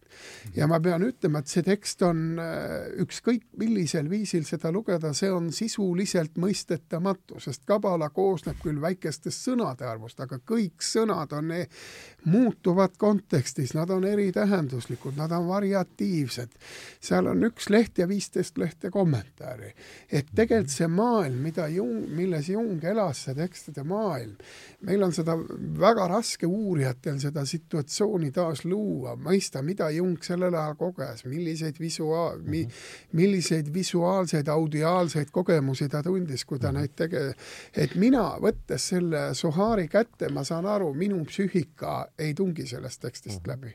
ma saan jah, keeleliselt representseerida neid mõisteid, kui seal kõneletakse, sest see koosneb ju sisuliselt juudi pärimusest ja tia-, tihedatest dialoogidest juudi õpetlaste, et see on väga mahukas kihistus ja mul ei olegi ülevaadet, ma olen püüdnud uurida, millist väljaannet Jung täpselt on kasutanud, kui ta Suhari ja kogu seda alkeemiliste tööde protsessi hakkas looma endas seda tekstikorpust, et millele, mis tekstide hulk see oli, mida ta läbi töötas või olid nad originaalsed tõesti viieteistkümnenda, kuueteistkümnenda sajandi käsikirjad, sest ta ka juhuslikult läks ühte Šveitsi antikvariaati ja keegi okultist oli toonud müüki oma raamatukogu ja siis ta sattus sattus selle maailma peale. et vot nii, et järelikult see näitab, et üldkättesaadavalt need tekstid ei olnud mm. -hmm ja see oli niivõrd võõras maailm, et kui Freud ju oma kirjavahetuses Jungiga ütleb, et noh, see, see selline kõik see, mis tuleb religioonist ja usunditest, on psühhoanalüüsile absoluutselt vastuvõtmatu kui me võtame, seda kirjutas Freud ja kui Freud oma te kuulsa teose Tootem ja tabu kirjutas, siis teda huvitas eelkõige kollektiivne antropoloogiline mm -hmm. küsimus, mitte see, mida Jung otsis, et see mhm. tundus noh, ja see oli üldlevinud, see ei olnud ainult freudistlik arusaam, vaid seda jagasid ka Jungi kui psühhiaatritest kolleegid, kes leidsid, et Jung on täitsa ära pööranud. Tootem ja tabu oli pärast seda, kui nad juba lahku läksid või? ja, ja, ja, ja, ja aga see on jah, üks hilisemaid tekste, mille, kus siis tõesti mm -hmm. Freud tegeleb sellise antropoloogiaga, uurib antropoloogia -hmm. mõju sellisele laiematele rühmadele mm. -hmm. ta ei kasuta teadlikult mõistet kollektiivne alateadvus mm. -hmm. ja, ja aga see konflikt Freudi ja Jungi vahel, mis siis noh, tõesti äh, tuhat üheksasada kaksteist lahvatas seoses äh, siis Jungi artikliga, kus ta libido sümboleid väga selgelt tõi välja, et seksuaalsuse teooria ei ole juhtivprobleemide analüüsi alus aga mu, see konflikt ei olnud nii, sest tol, noh, tihti unustatakse ära, et tolleaegsete inimeste käitumisrepertuaar ja kogu see, kuidas ennast väljendati, oli väga delikaatne. Need kirjad, mida mina olen lugenud, need on, nad on distantseeruvad, viisakalt distantseeruvad, võib nende kohta öelda mm. -hmm et see suhe lihtsalt no, edasi ei läinud. edasi pärast? ei olnud. aga Freud oma teistest on väga vähe Jung üldse puudutanud peale tuhande üheksasaja kolmeteistkümnendat aastat oma kirjad. siis ikkagi kirjavahetus katkeb nende vahel? katkeb ja, ja, ja Freud paaril korral mainib tõesti oma sõpradele Jungiga seotud seikasi, aga see ei ole midagi sellist, sest et Jungi kirjad on ikkagi noore imetleja kirjad, kui ta Freudiga suhtlema hakkab tuhat üheksasada seitse, tekib selline tihedam kontakt, kui ta on siis juba põhjalikult tudeerinud Freudi kuulsat raamatut Unenägude tõlgendamine ja sealt ka see unenägude kontseptsiooni selge lahknevus, sest Freudil oli väga selge arusaam, unenäod ei ole endelised, unenäod ei ole sümboolilised. unenäod on, on lihtsalt, jah, see Sigmund Freudil, et unenäod annavad lihtsalt edasi teatud kehaliste funktsioonide ja mälu, mälust talletunud materjali, mitte nad ei võimalda mingeid interpretatsioone psüühika kohta, nii nagu Jung tegi seda aga, aga see on väga halvasti uuritud, et, et need, kes tegelevad selle psühhoanalüütilise mm, liikumise ajalooga, et selle analüütilise psühholoogiaga, et ta on ju laiem kui ainult isiksuse keskne, et seal on ka teatud sellised rahvusromantilised elemendid, mida siis Jung ju hiljem edasi arendab puhtalt ka see natsiperioodi küsimus ja analüütilise psühholoogia seos, et et, et noh, väga paljud uurijad väidavadki seda, et Jungi tekstid on väga, eriti need psühhoteraapilised tekstid, et on suures osas laenud eh, Freudi tekstidest, mida ta ka mingis osas on, sest kui me vaatame Jungi viite põhimõistet, siis need kõik leidub ka Freudi psühhoteraapiaalastes töödes. Aga öelda nüüd ainult, et Freud ei tegelenud ühiskonnaga, et tekitada selline lahknevus, et ju, et Freud ei tegelenud ühiskonnaga, sest Freudi viimased tekstid, kui me mõtleme kas või Moosese monoteism, mida, mis on ju puhtalt mälupoliitiline, mis uurib, uurib, uurib kollektiivseid unustamismehhanisme, mis vääriks ka eesti keelde ära tõlkida, sest kõik, kes tegelevad mäluajalooga, individuaalsuse küsimusega, üksikisiku roll laiemates mälukogukondades, on Freudi tekst väga oluline. ja selles mõttes on noh, minu pilt, vähemalt nii palju, kui ma olen nüüd lugenud Jungi sellist anti-jungiaanlikke tekste ka, kes tegelevad Jungi kriitilise biograafia, need Noll, kes on väga mürgise biograafia mhm. Jungist kirjutanud, et äh, ük-, üks väide on selgelt, et jungiaanid on alahinnanud Freudi rolli enda koolkonnas ja Freudi, Freudi ja varasema psühhoanalüütilise liikumise tähtsust ja nende te-, tekstide tähtsust Jungi sellise loome narratiivi kujunemisel. ja teine tasand on see, et kui just sellised väga jäigad freudistid ei võta nagu üldse seda Jungi rolli tõsiselt aga, aga mulle näib jah, et siin on lihtsalt ka selline ajalooline küsimus, et Jung on äh, järjest rohkem uuritav ja väljaantav autor, ta on elav autor, siin ma näitangi ühte sarja, mis järjest, mida annab ka Filemoni, kus ilmuvad järjest Jungi loengud, mis on käsikirjalised. Ja me noh, minule see sari näitab, kui avar oli Jung oma loengutes, et kui ta käsitleb kahes paksus köites Nietzsche't, mm. -hmm. ja üks mõiste, mis Jungi psühhoteraapiaga, et ma seda ära ei unustaks, on keskne mõiste, on muidugi julguse mõiste. igasugune psühhoteraapiline dialoog eeldab julgust mm. -hmm. ja sealt ka tema selline suur imetlus Nietzsche Zarathustra vastu, kes ja. oli ju mhm. see üks kujund on see julguse kujund, tulla välja maailma pimedusse oma mhm. valgusega mm. -hmm ja, ja ma, ma võib-olla tulen siia kõrvale toon niisuguse väikse analoogia või, või, või paralleeli, et et, et see võõras maailm, millele Jung võib-olla läbi enda elu ja elukogemuse püüdis ligemale saada, eks ole, ükskõik kui ajaloo kontekstis teaduslik see meetod oli ja kuhu ta välja jõudis, et kui Ivar ütleb, et noh, et ei olegi võimalik tekstist aru saada, on ju, siis kui me läheme teraapilisse situatsiooni, siis äh, üks asi, millega tihtipeale kliendid tulevad ja mida nad väga soovivad, on ju, nad tahavad kiiresti ka nagu mõistuspärasest, päraselt mõistusega asjadest aru saada, ahah, see, see, et, et enam-vähem, et ütle ette, mis mul, mis mul on. ja siis, ja siis me saame asjad nagu klaariks või selgeks ja siis on ju aru saada, mida mhm. tuleb teha, on ju. et tegelikult seesama käitumuslik äh, sundus on meis endas juba kollektiivselt nii sees, et me ootame noh, ka teraapialt seda, et meile noh, õpetataks, meile öeldakse ette, mida tuleb teha ja et ma jõuaks välja eesmärgini. ja, ja mida ma rahustuseks tihtipeale teen või mida ma püüan tasakaalustuseks tuua teraapiaruumi, on see, et, et, et, et võib usaldada protsessi. Äh, võib, võib, võib minna äh, kergelt luurama äh, nendele, nendesse piirialadele, kus asjad ei olegi lõpuni hoomatavad. et see on ka psüühika osa, on ju. kui me räägime teadvustamatusest, siis, siis, siis Jung ju püüdis ka äh, võib-olla kõige ehedamalt, see on see punase raamatu teema, on ju, püüdis püüdis ikkagi saada enda, enda psüühikasse nagu päriselt sisse sinna, kus, kus ongi määramatus ja hoomamatus, on ju.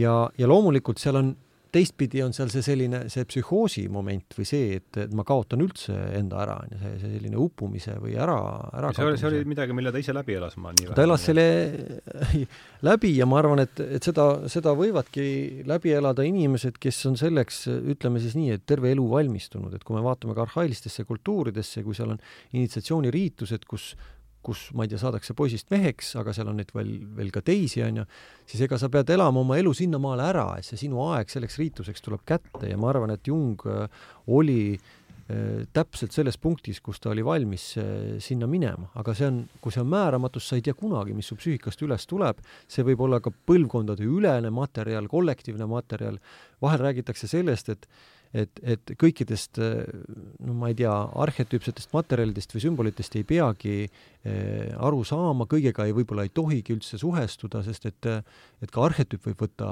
inimpsüühika niimoodi üle, et inimene kaotab iseenda ära, on ju et, et teraapiaruumis äh, pigem on küsimus selles, et inimene hakkaks oma, oma psüühikat usaldama.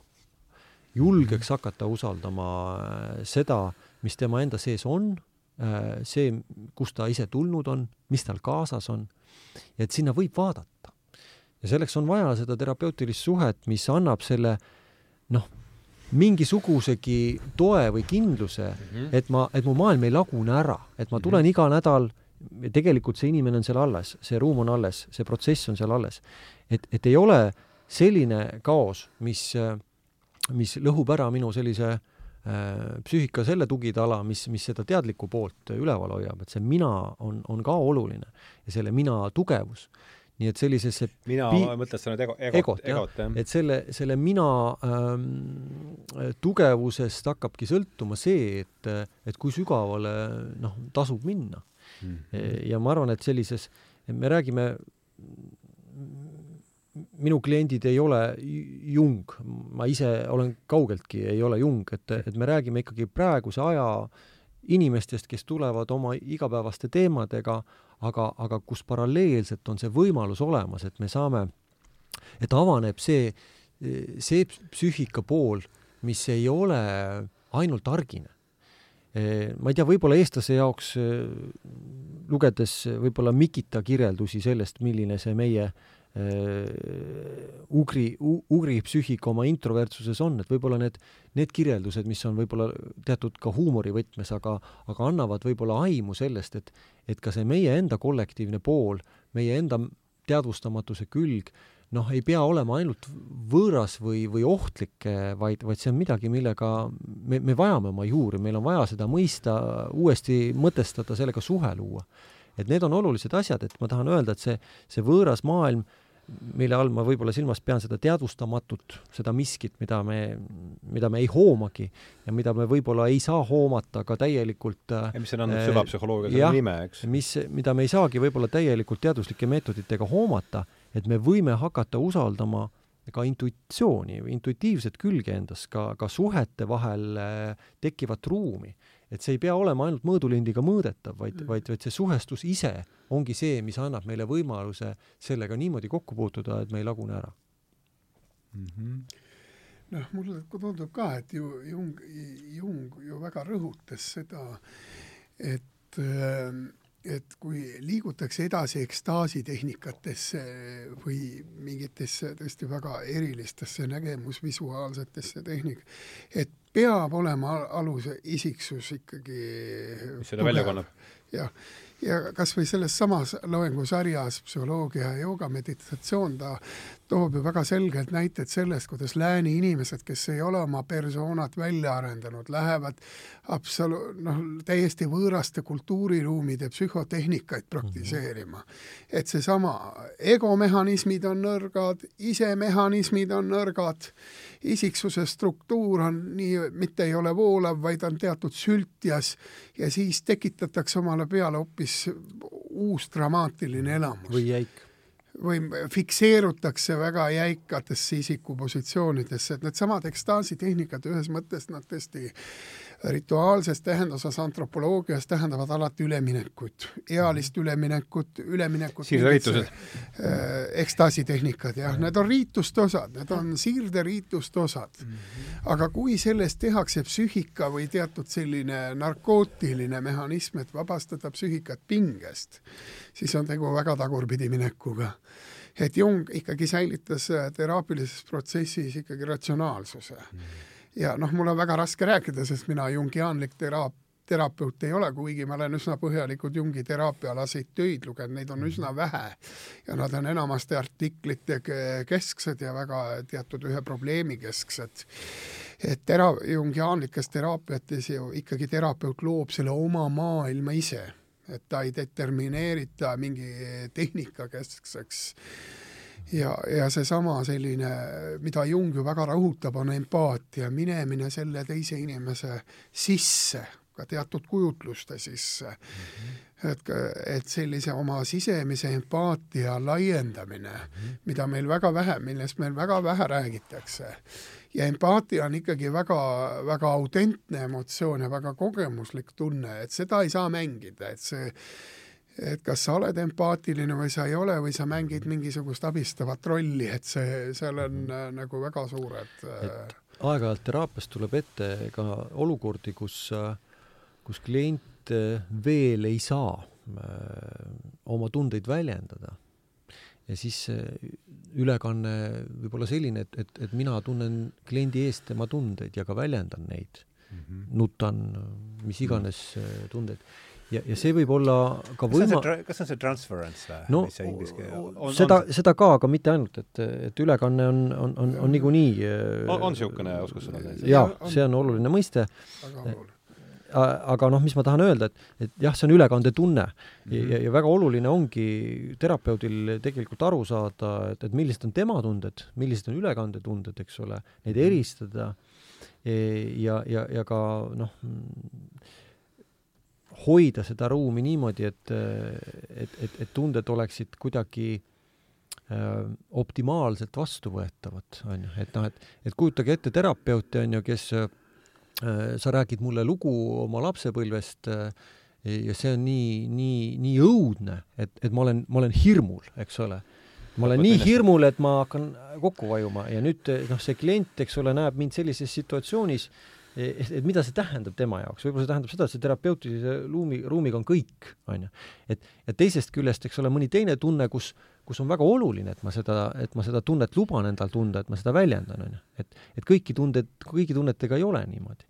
aga see, mis ma tahtsin hakata rääkima, on see, et et võib-olla kli-, klient tunneb või näeb esimest korda oma tunnet, mida ta on keelanud alles läbi terapeudi ja kuna see on turvaline, siis, siis vaikselt võib juhtuda, et hakkab avanema ka tema enda tunne tänu sellele, et see, et see on siin ruumis okei okay aga jungiaanlikes teraapiates on ka see kliendi mõiste, jah. no tegelikult äh, algtehniline laen äh, omaaegsest sotsiaaltöö terminoloogiast, kus hakati Eh, subjekte nimetama klientideks mm, -hmm. et mhm. see on samaväärne, kui inimene astub poodi ja ostab mm -hmm. banaane, et -hmm. et see viitab niisuguse teenusele, teenusele sõltuvale suhtele, et mul, mul absoluutselt ei istu need kliendikesksed niimoodi, et Eesti, Eesti, Eesti termino-, eesti keeles, niisuguses nagu argiteaduses minu arvates ei ole kumbki eh, mõiste hea, ei klient ega patsient mm. -hmm. miks ei ole patsient, sellepärast et et, et siis on, kui mina ütlen, jah, kui mina ütlen patsient, siis mul on tunne, et ma olen kuidagi, et, et, et, et ma olen andnud kliendile mõista, et ta on minu arvates haige mm. -hmm. ma ei saa seda endale lubada, onju. minu jaoks on see vale tunne, ma, nii. ja klient on minu jaoks neutraalsem sõna. ja, ja ega mhm. ma kliendiga ei räägi temast kui kliendist, ma ei ütle, et sina klient, kuule, ava nüüd seda, onju.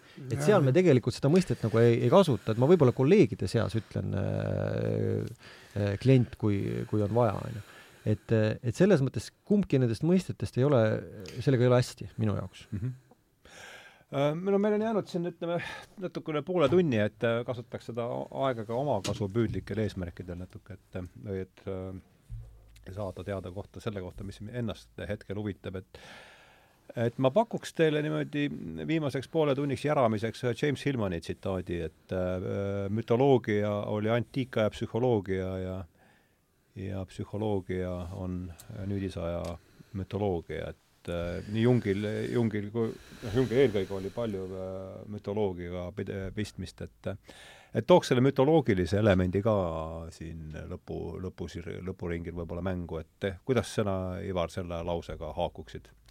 veel kord siis, et äh, mütoloogia on, oli antiikaja psühholoogia ja psühholoogia on nüüdisaja mütoloogia, et äh, et lihtsalt selle äh, teise osaga ma väga ei nõustuks. sa ei peagi nõustuma, aga anna juurde värvi. jah, aga see esimene mõis, mõtte esimene osa on väga tabav sest tõesti mütoloogias, kui me mõtleme klassikalisele mütoloogiale, millele ka Jung tugines orientaalsele mütoloogiale, aga samuti ka juudi mütoloogiale, mütoloogias äh, on rollid vabad mm. -hmm. ja, ja kui me mõtleme müüdiloome, mida müüt tähendab, miks on müüt vajalik, müüdiloomega seletatakse alati seda, mis on seletamatu või mida ei või seletada mm. -hmm. et eh, Ilmanit ma nüüd vaatasin ka, kui oli üks antijungiaan, siis eh, Ilman ütles, et see raamat äh, need antijungiaanid ajavad teda oksele see mulle natuke meeldis. aga psühholoog-, noh, ütleme see psühholoogia mõiste on väga halb, et käitumisteadust ma kuidagi ei saaks pidada kaasaja mütoloogiaks, selle tõttu, et tegu on ikkagi üsna selgelt piiritletud teadusega, oma uurimusobjektide, oma meetoditega, seal tõesti sõltub ilmselt ta pidas silmas ikka rohkem freudistlikku ja jungiaanlikku psühholoogiat, ma olen üsna, ma olen üsna veendunud, et ta kindlasti kuna ma ei ole autorit lugenud, siis mul on väga raske no ma pean ka aimama, aga kontekst, kontekst on selline, et ta ikkagi peab silmas aga, aga selles mõttes on ka mütoloogilised lood on ka terapeutilised, milleks neid on palju psühhoanalüütilistes tekstides kasutatakse, esiteks nad on teraapilised, nad on visuaalsed aga nad on ka äärmiselt keelelised. sest pangem tähele, müto-, mütoloogia tekste loeti omal ajal kõva häälega. see oli klassikalise hariduse osa. ja kui ma mõtlen kas või neid müüdiraamatuid, mida mina olen lugenud ja mis mul koduses raamatukogus on, ja müüdi üks tunnus on ka see, et ta on läbitungimatu. inimpsüühikale on müüt tihti läbitungimatu ja, ja kui ma mõtlen ka nendele müüdiraamatutele tahtsid sa öelda sellega, et ta ei saa sellest lõpuni aru või? jaa, ta ei, ta ei pääse oma tavapsüühikaga sellest läbi, see mm -hmm. tähendab, et ta peab oma psüühikat gradeerima teisiti, et saada sellest loost või narratiivist läbi. et kui mina olen neid müüdiraamatuid lugenud, ma olen aru saanud ühest, et esiteks äh, see viib mu psüühika väga teise seisu, et see on nii teine maailm ja ka Freud oli ju väga äh, müüdikeskne autor või mütoloogiakeskne autor, kõik tema näited tihti seksuaalsusest, pingest, vennatapust pärinevad klassikalisest mütoloogiast. ka viha mõiste on mütoloogiline mõiste, ennem kui ta on psühholoogiline mõiste. mütoloogi-, mütoloogilised tekstid toovad esimesena välja emotsioonipõhise sõnavara nagu viha, raev mm, -hmm. mõtlused, tihti sellele ei mõelda, aga need mõisted pärinevad kõik sellisest arhailistest tekstidest, kus tekst annab edasi tõesti kujutlust pilti, mitte seda, et tekst tõlgib sõna. -hmm. ja, ja selles mõttes on meie ajastu inimesel väga raske neid müüdiraamatuid lugeda, sest ta kaevub ühe hetkega teise maailma sisse, mille puhul puuduvad tal mõiste hermeneutilised vahendid selle sissesaamiseks mm. -hmm. et mulle ka oli üks periood, kus mulle ei meeldinud neid müüdiraamatuid lugeda. kuidas sa sellest üle said? Ma sain aru, ma sain aru, ma mõtisklesin, et tegelikult on ju müüdid isiksuse kasvu muinasjutud. absoluutselt. ja, ja psühhoanalüüsis ongi müüdiloome on selline tervendamise muinasjutt, mida täiskasvanud saavad endale rääkida ja kui ma mõtlen kas või nendele hilistele psühhoanalüütikutele, kes on tegelenud laste psühhoanalüüsiga, siis müüt on üks müüdipõhine lausestus ja sõnastus on üks kõige paremaid viise trauma, trauma lahti analüüsimisel ja mm -hmm. Jung ju on ka tegelenud laste unenägude ja laste traumaprobleemidega, tal on pikk loengusari. Ja me saame aru, kuidas lugu toetab isikut rohkem kui mingi teksti narratiiv. lugu, just müüdi, müüdi puhul on -hmm. see lööv lugu on see, mis avab isiksuse sees seda, mida ta ise ei ava mm. -hmm. ja, ja mulle noh, see on tõesti väga raske on neid müüdiraamatuid lugeda, eriti orientaalseid müüte ja mm -hmm. noh, need on täiesti arusaamatud. mingi kõik, kõiksuse koodijupp, millega annab ennast mm -hmm. kuidagi teinekord äh nagu Jungi punast raamatut lugeda, siis see meenutab ka mütoloogiaõpikut, pigem mütoloogiaraamatut kui ükskõik millist teist raamatut. kas te olete kumbki mõlemad üritanud lugeda punast raamatut? natukene. ja mina kord... olen ikka teda lugenud. minul oli ükskord äh, plaan teha meil niisugune veel, veel ühe sõbra Joonas Ellermaga ja, ja Ivariga, et me teeksime niisuguse punase raamatu nädala, kus me lihtsalt oleme terve nädala selles maailmas sees, aga see, me ei ole selleni jõudnud hmm aga ma tahtsin veel muinasjuttude kohta öelda seda ja, ja, ja selliste lugude, arhetüüpsete lugude kohta, et et, et, et, et kui te olete mõelnud, et, et millal ja miks mingi lugu kõnetab ja mingi ei kõneta, onju, kuni, kuni niisuguse kaasaegse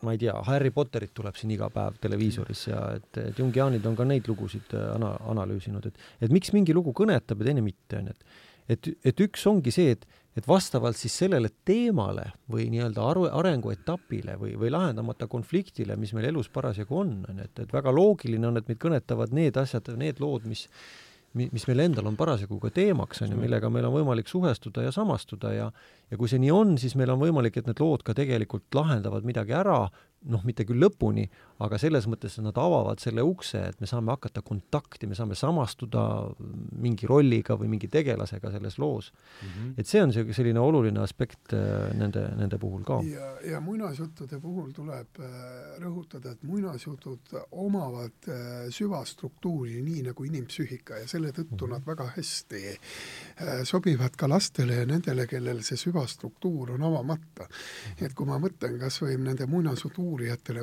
propile, et muinasjutul on väga struktuurne sisu, nii nagu on psüühikal struktuurne sisu. et neil on nagu mingi vastavus? ja, ja, ja, ja. ja mina näiteks olen ka üle lugenud uuesti Krimmi muinasjutte, mis Jungil olid väga olulised mm. -hmm. Krimmi muinasjuttudest, aga olen ka Viplalat uuesti üle lugenud ja saanud mm -hmm. aru, et pool Eesti rahvast on tinistatud ja see on niisugune raamat, mida ma soovitan täiskasvanutel uuesti üle lugeda. see on tasuta huumoritund teile või? kihvt raamat. absoluutselt, absoluutselt. kes see autor oli?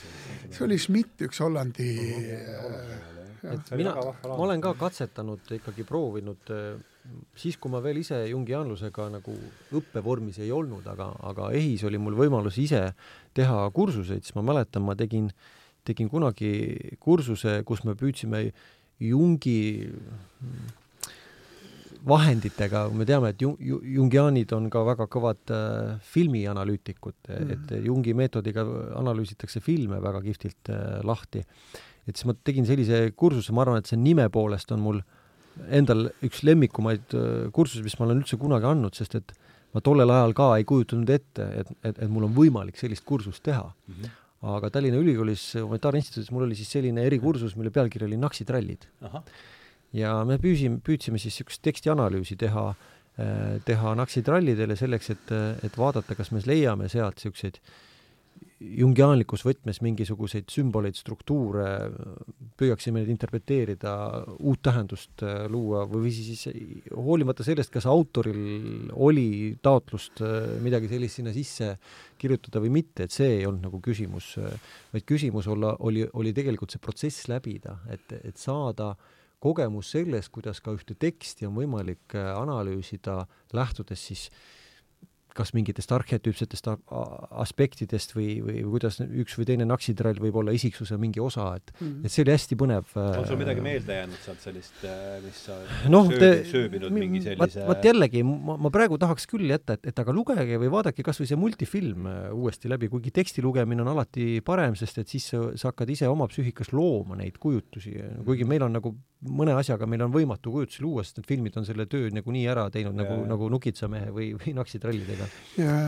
aga, aga noh, te võite mõelda, et, et, et mis nendel eraldi võetavatel tegelastel seal igalühel siis niisuguseks nagu probleemi pooleks võiks olla, et ega seal palju mõelda ei või, et me näeme, et et King Paul on natuke selline nartsissistlik kuju ja ja kes niisuguses teatavas neurootilisuses palju teil kolm, kolm oligi neid uh? -huh. Muff, King Paul ja Sammalabe. jah, jah, jah, jah, jah aga räägi, kas, mis sul Krimmi, Krimmid lugesid, ma olen mõelnud selle peale ise, et peaks Krimmi no, mis, millises kogumikus lugesid eesti keeles mingit? ja, ja eesti keeles on välja antud täiesti uus kunagi kümme-viisteist aastat tagasi, kus on millal kogutud millal lugesid? Mõni aasta tagasi, aga, aga ja kõlas niimoodi päeva värskelt? väga, väga ja, ja ma lugesin teda tõesti nii, et ma Äh, kuna äh, Krimmi muinasjutud olid ju Jungile hästi tähtsad selles mõttes, et seal oli väga palju tegelaskujusid, kelles väljendus varju mõiste. Ja, ja, ja kui me mõtleme Krimmi muinasjuttude arhetüüpsetele rollidele, tegelastele, seal on esiteks väga tihedalt motiiv, pimeduse motiiv mm, -hmm. ülesronimise motiiv, surmakartuse motiiv, motiiv. et ütleme, see Krimmi muinasjuttude kogumik, et seal peaks igat muinasjuttu muidugi eraldi, aga ka Hans ja Greteke, mõelge nendele sellistele, need on väga arhetüüpsed tegelased, väga visuaalsed tegelased. ja, ja need Jungi põhimõisted väga hästi haakuvad selle Krimmi muinasjuttude narratiiviga ja, ja kuna muinasjuttudes on see pluss, et seal võib varju vabalt välja elada või see vari on väga selgelt nähtav tegelaskuju kaudu, sest ikkagi laps peab sellest aru saama, see ei ole täiskasvanud psühhoanalüütiku tekst, et ta peab seda varju dimensionaalsust vaatama väga detailselt läbi psüühika uurimise, vaid seal on loo kaudu. lugu peab tooma esile kõik psüühika elemendid ja kuidas lapse psüühika reageerib sellele loole et mina soovitan täiskasvanutel kindlasti üle lugeda, sest see aitab teil ka mõista oma lapse teadvust paremini. sest see, kuidas laps visualiseerib lugu, teil tekib ka ettekujutus, milline see lugu on, mida see laps visualiseerib. et tihti need äh, muinasjuturaamatud jäävad, kuigi noh, ütleme hilises postjungiaanlikus psühhoanalüüsis on ikkagi muinasjuttude analüüs väga oluline teraapiline vahend ja eriti, kus kaasatud on need niinimetatud diaatilised teraapiad, kus on ka laps kaasatud mm, -hmm. mis ei ole mingid isiksushäire ja mingid, vaid et seal on väga tähtis mõista ja, ja nende müütide kaudu olen ma saanud ka rohkem aru lääne mõtteloo tekstidest mm. -hmm. sest on väga palju teemasid, mida need tekstid väga teadlikult väldivad, mida müüdiloomes või mütoloogia tekstides on väga selgelt mm -hmm. esile toodud. too palun, pane no näiteks tapmise teema, vennatapu teemad ja ja nartsitsismi teema, mis, millest väga vähe räägitakse, aga lääne ühiskond on nartsitsistlik, sest ta mhm. rõhutab üksikisiku saavutusele, skisoidsele omanditungile, oma iseenda individua-, individualiteedi pealerõhumisele välisele keskkonnale, et see nartsitsismi, noh, see on ju ka psühhoanalüüsis üks kõige olulisemaid isikuomadusi ja minu teada ka jungiaanlikus teraapiates ongi saadud enam-vähem mingeid tulemusi just selle isiksushäirete spektri häirete osas, teiste osas on väga ähmased tulemused, aga aga, aga see on noh, suur teema, see nartsissism ja et see on põlvkondlik ja, ja legimiteeritud ja meeste ja naiste nartsissism ja sealt tulevad ka kõik need lahutamise ja kooselu probleemistikud. et meil seda ei vaadata, aga see oli Freudil ja Jungil üks põhilisi isiksusi dimensioone, mida nad uurisid oma tekstides. jah, jah. ja, ja. ja sellist äh, välist nartsissismi ja sisemist nartsissismi, et ka seal tuleb väga selgelt seda eristada et Aga... Ivar, Ivar siin mainis juba varju ja, ja noh, et, et see on ülimalt oluline, et, et see, et kuidas see suhe parasjagu mingil ajastul või mingil kultuuril või, või, või kogukonnal selle varjuga on. E, noh, võib-olla ei jõua täna pikalt, meil on varjust eraldi, eraldi saade olnud seal äh, Rikoga ka, et kes tahab, vaadaku järgi, et aga aga praegu me elame ju ajastul, kus, kus kuidagi, kuidagi on niisugune tunne, et, et et kuri ja vari on ju, tuleb hävitada, on ju, et, mhm. et, et on, et on, on, on need, kes teevad asju õigesti ja need, kes valesti ja mm. ja, ja, ja need pro-, projektsioonid, mis siis vastakuti nagu üksteise peale pannakse, need on ikkagi noh, väga toored või integreerimata, on ju, et me ei, me ei suuda üldse teise positsiooni kuidagi asetuda ega näha, mis seal päriselt toimub, mis seal taga on, on ju et äh, noh, et kõik need muinasjutud või, või lood, kus see vari on esitatud, kus sellega saab nagu inimlikult suhestuda, kus toimub ka see muundumine või transformatsioon, et, et vari eh, või kuri elab oma, oma mingid etapid läbi, tal on ka see muundumise potentsiaal mm. et ja see on normaalne, see on elu osa, et, et sinna, sinna, sinna võib ja tulebki vaadata ja see tulebki elus läbi teha et vot see on see, mis me, me oleme täna nagu kuidagi ära lõigatud, et me, me, me ei tohiks nagu kurja ligi lasta, onju. ja teine ja surm, surmaga niisama, onju, et et see, et see eriti praeguses kontekstis, eks ole, et, et, et surm on ju keelatud, onju. Et justkui ei tohigi ära surra või, või, või et, et kõigepealt tuleb või isegi need, kes, kes siis justkui kipuvad, need tuleb, tuleb ära, pildilt ära lükata, et me jumala eest nendega ei suhestuks. jah, et ja miks sel... see surm marginaliseeritud mm. -hmm. ja võib-olla Eesti mütoloogias selles mõttes on nagu tore, et äh, et meil on ju see kratifiguur ja, ja kui me vaatame ka vanapaganat, on ju, et, et nad ei ole nagu mustvalged, on ju. Nendega tuleb diil, nendega tehakse mingit sobingut, on ju, e, neid kavaldatakse üle, on ju, et, et see meie enda mütoloogiline taust sellega kurjaga suhestumine minu jaoks on hästi loomulik hästi integreeritud, et meil on tegelikult see taust endil olemas, et meil ei ole nii mustvalged need asjad, et seal on niisugused piiri, piirikohad on ju, kus, kus käiakse. ja selles mõttes meil, meil justkui võiks olla eestlastena ikkagi vägagi hea võimalus selle, selle oma kurjaga nagu suhestuda mm. -hmm müüdi osas tuli mul meelde, et miks on mütoloogia oluline, sest mütoloogia on esimene vahend ka psühhoanalüüsis, mille kaudu räägiti seksuaalsusest mm. -hmm. kui te mõtlete müüdi ja seksuaalsuse mhm. suhetele, noh, nagu Jung noh, on toonud need kolm tabu välja lääne ühiskonnas, see on raha, surm ja seks ja et müt-, mütoloogia abil äh, oli võimalik legimiteerida seksuaalsusest kõnelemine mm. -hmm. ja Freud oli üks esimene, kes sai aru, et kui sa tuled inimeste individuaalsete loodega, siis sa sellega äh, läbi ei saa, aga kui sa räägid seksuaalsusest läbi müüdiloome, siis need on nagu lääne kultuuri osad ja, ja, ja, ja, ja nõnda edasi, et see on noh, muidugi väga suur teemade ring, müüt ja seksuaalsus psühhoanalüüsis. -hmm. aga see on äärmiselt oluline, kuna see on ka ühes mõttes on lääne ühiskond nagu üle seksualiseeritud, aga teises mõttes oleme me seksuaalsuse orjad mm. -hmm ja, ja, ja meil ei ole sugugi vabamat suhtumist seksuaalsusesse, kui oli üheksateistkümnenda sajandi inimesed. et seal, noh, seal on neid tasandeid hästi palju ja vari on siin väga kõvasti sisse löönud, et ja kõik see meie hirmud teatud seksuaalkäitumise puhul ja miks teatud seksuaalkäitumist teatud kultuuriruumides marginaliseeritakse või idealiseeritakse, et eh, need on puhtalt näide jälle sellest, kuidas kollektiivi tasandil psüühika mm -hmm. see ei ole läbi töötatud kultuuri jaoks olulisemaid mõisteid mm. -hmm.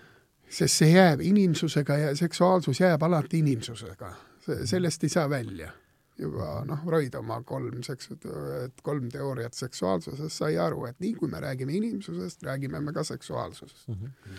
et võib-olla hea küsimus siin on võib-olla raadio või saate kuulajale, vaatajale on see, et et, et kui mõelda seksuaalsuse peale, et et, et millal ma viimati kogesin või kas ma leian midagi iseenda seksuaalsusest ja seksuaalsuse all ma ei pea silmas suguakti, vaid, vaid kõikvõimalikke ühendusi mis me inimestena loome mm. -hmm.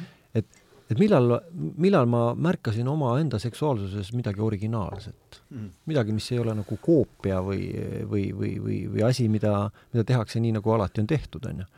Et see on niisugune hea mõte nagu värskendamaks seda ruumi, et kas läbi seksuaalsuse võib, võib jõuda iseenda juurde, võib, võib avastada seda, kes ma olen, võib sellega suhestuda, võib võtta seda vastu, võib aktsepteerida, võib armastada iseennast et see on niivõrd äh, võõras või lapsejärgus alles äh, meil. Ja, ja kui mütoloogiast veel rääkida, siis, äh, siis võib-olla üks, ka mulle endale üks isiklikumaid kogemusi, mille juurde võib ka aeg-ajalt tulla, on ikkagi kangelasmüüdid ja, ja meil, meil siis võib-olla Kalevipoeg on ja seda võib vaadata siit ja sealt ja võib kritiseerida ka, on ju. aga, aga Kalevipoja äh, kangelaslugu on ka, ütleme, niisugune ego ego kasvamise ja kujunemise lugu ja Sirje Purga, kes väga pikka aega siis eh, uuris meie enda seda Kalevipoega eh, ja on selle kohta ka üht-teist kirjutanud, et väga huvitav naisterahvas, eh, ma ei tea, kas ta ma, ma usun, et ta on, on, on meil siin veel olemas, et ta oli, oli päris kõrge, kõrges eas, kui mina temaga viimati kohtusin, ma kutsusin ta oma jooksulaagrisse kunagi esinema ja, ja rääkima sellest ja ja Sirje ütles väga selgelt, et, et Kalevipoja müüt on, on, on ego kujunemise lugu, on ju. aga, aga, aga mitte sealt edasi, on ju, et see, millest Jung räägib kui elukaare nagu teisest poolest, kus me läheme oma sisemaailma, et et, et selleni, sellega lõpeb see ära, on ju, aga, aga ega siis Kreutzwald ja ja, ja, ja tolleaegne maailm noh, ei, ei, oli vägagi teadlik, et see on ainult, et, et see piirdub sellega, et muide Kalevala, vot Kalevala on, on on vähemalt Sirje Purga sõnade järgi äh, selline eepos, äh, kus just nimelt on need määramatud äh, mõõtmed, kuhu siis võib-olla Jung ka oma, oma isiklikus maailmas nagu sisse läks, mida siis peegeldab võib-olla see punane raamat, et et see Kalevala tekst on nüüd tõesti see, no mida, mida võiks, kui juba see nagu sa ütled, ma ei tea, hermeneutiline valmidus on olemas, et, et, et, et sinna, et sinna minna sisse, et, et see võiks olla väärt asi, aga mida ma ise tegin tollas äh, inspireerituna võib-olla natuke sellest kangelastemaatikast, et äh, tegin ühe kursuse ka ja siis ma mõtlesin, et et ma tahan ikkagi praktiliselt ka kogeda, kas, kas, kas kui teadlikult minna sisse sellisesse piirsituatsiooni, kas, kas see müüt või müüdi tugi, kas ta hakkab mängima, kas ta hakkab kuidagi looma, kas ta annab mingit väge, kas ta võimaldab mulle avaneda mingisugustele arhetüüpsetele jõududele, mida ma argipäevas ei saa, on ju. ja siis ma korraldasin ühe, ühe sellise kuuepäevase äh, ultrajooksu äh, ja, ja niimoodi, et iga päev oli siis äh, Kalevipoja ainetel mm. ja, ja, ja julgen palju väga, see oli kokku ligi alla neljasaja kilomeetri natuke. palju osalejaid? meil oli seitse osalejat, kaks või, või kaks ja pool lõpetajat ja, ja ma ise ka lõpetasin, et nelisada kilomeetrit nädalaga? no jah, kuue päevaga. Et kõige pikem päev oli kaheksakümmend neli, aga see selleks.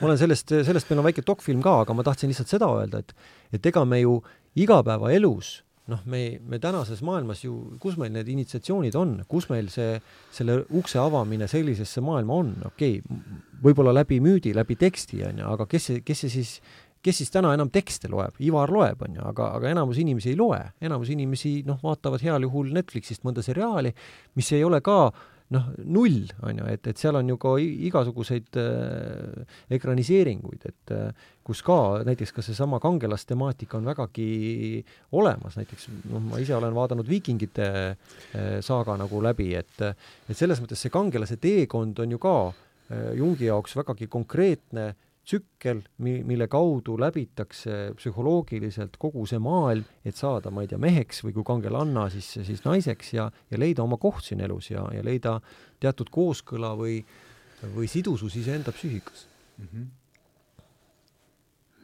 tore on teada, et oled ainus loll, kes Eestis veel raamatuid loeb.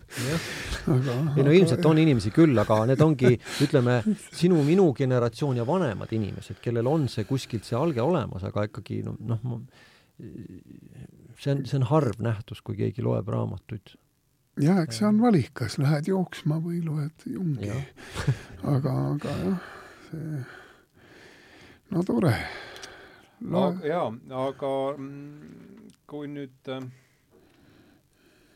üks Hillmani lause veel, mis mul jäi, ei oleks hea see siin tuua, et ma, ma lähen, ma nõustun Jungi psühholoogiaga või ma lähen kaasa Jungi psühholoogiaga, kuid mitte tema teoloogiaga, mida ta, mida ta selle all võis mõista.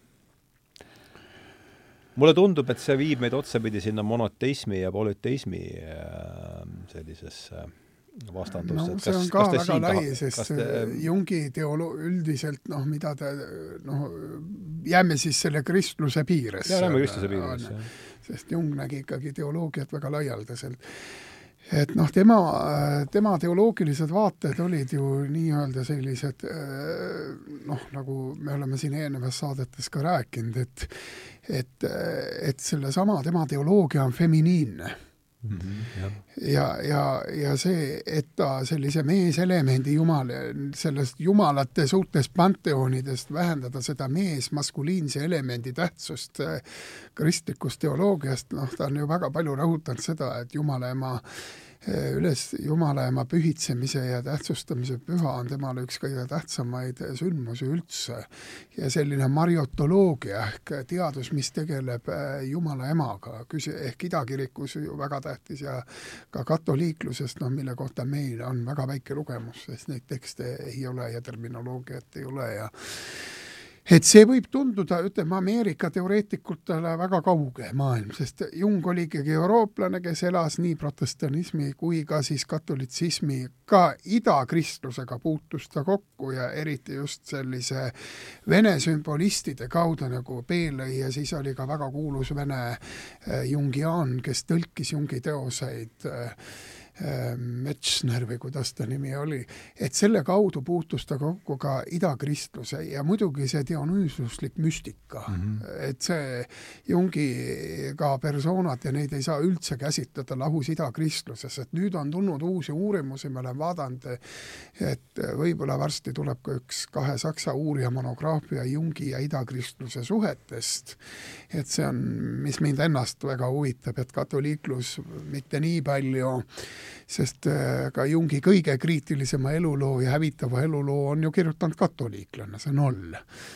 mis tema eesnimi on? Noll, ma ütlen sulle kohe, see on mul, kes äh, see on selline raamat nagu tuhat üheksasada seitsekümmend on Jordan Peterson leiab, et see raamat ei kõlba kuhugile.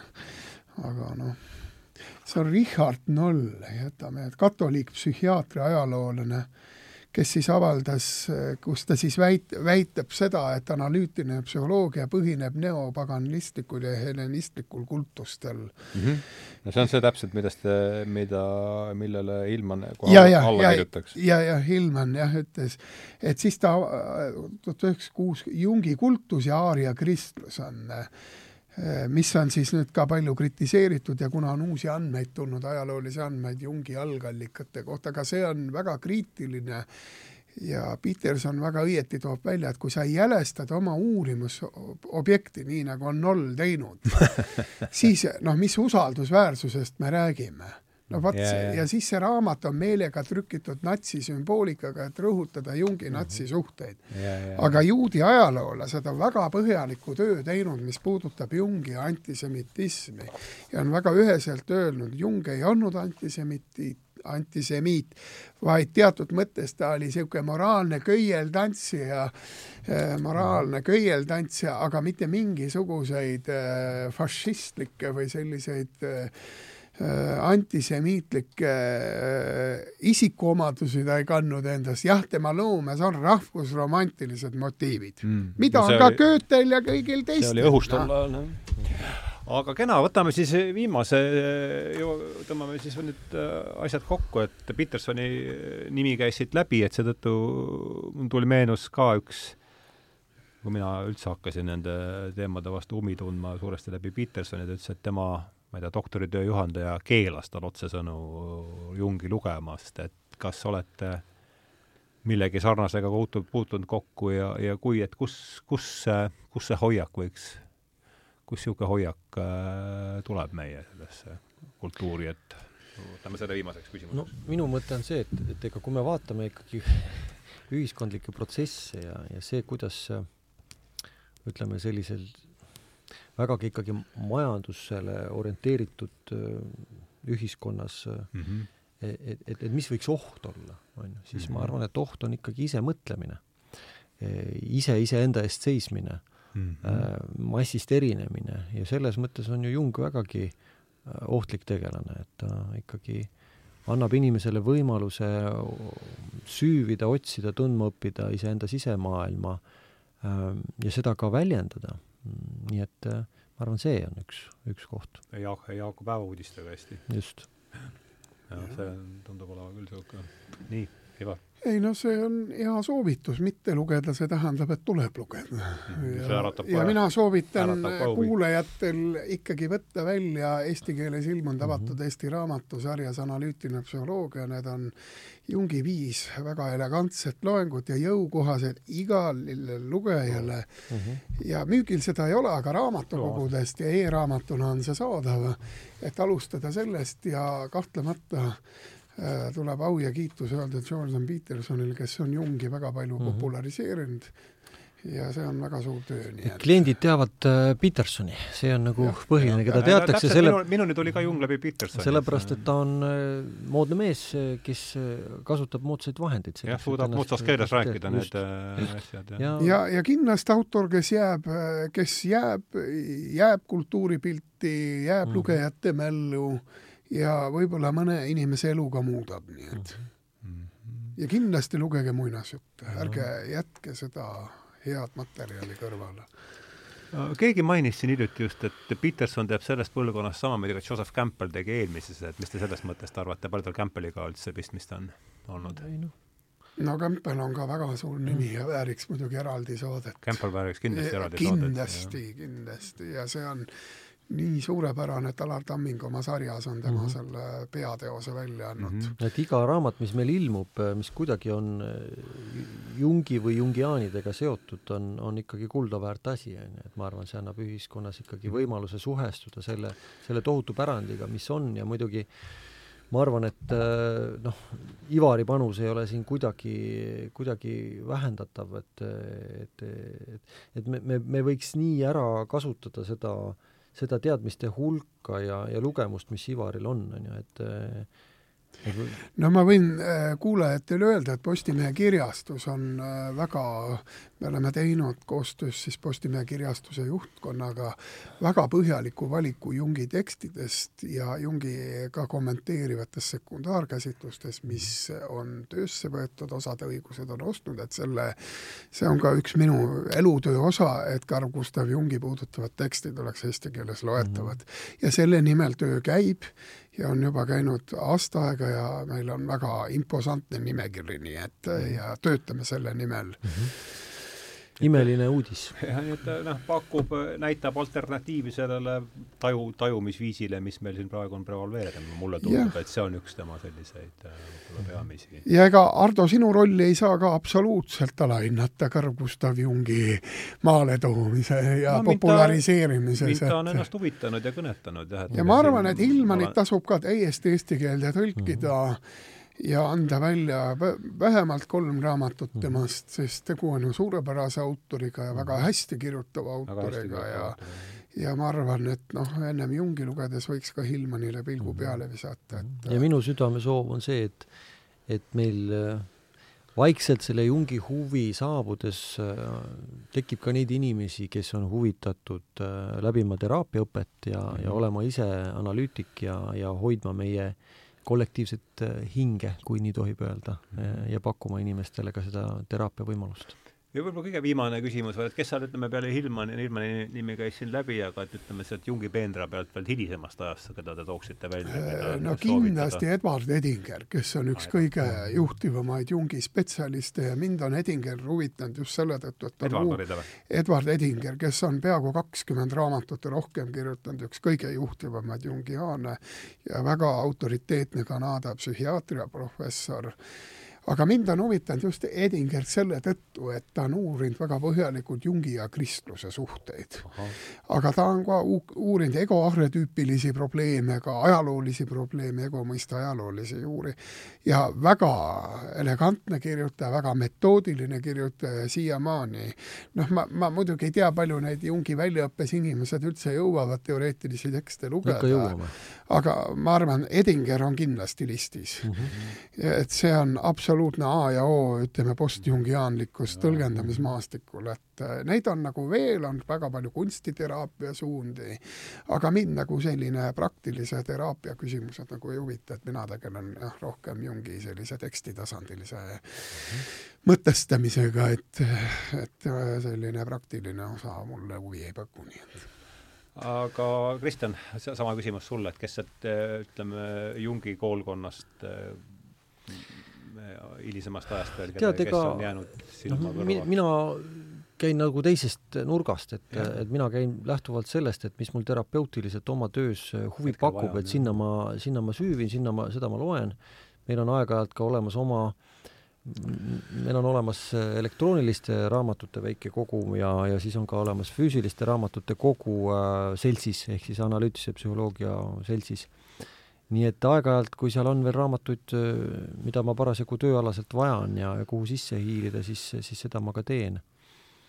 et ma niimoodi konkreetselt ei tooks praegu midagi välja, et mm -hmm. no, see, see maailm on rikas, ta on hästi lai, ta on ka väga spetsiifiline, et ei postjungiaanid on, on, on väga, väga viljakad, ikkagi aastas tuleb, ma ei tea, sadu raamatuid välja. ja, ja, ja, ja seal leiab, noh, vahel on tunne, et enam ei ole raamatut, tähendab, ei ole teemat, mille kohta ei ole raamatut kirjutatud ka jungiaanluses enda sees, aga ikkagi, ikkagi kirjutatakse mm. -hmm. no kena, see on hea, et, hea teada, et elu keeb ja ja tõmbame siis tänasele vestlusele, millega me alustasime oma kevadhooajaga joon alla, ma ei mäletagi, mitmes see meil juba nüüd on. seitsmes või mm? -hmm. sinnakanti. no selge. et, äh, et, et aitäh tulemast äh, ja siis äh, Ivar Trööner, Kristjan Puusild oli vahva teiega siin ligi kaks tundi koos vestelda ja tundub, et rumalamaks ei jäänud me siin keegi selle vestluse käigus, et mm -hmm. aitäh Kaiele puldis ja aitäh kõigile, kes on teinud selle saate võimalikuks ja kohtume juba järgmisel nädalal on meil mingi paar, paar asja ees. mitte küll ja, meiega. mitte teiega, jah hea täpsustus. et äh, head õhtut ja, ja järgmiste kohtumisteni! nägemist!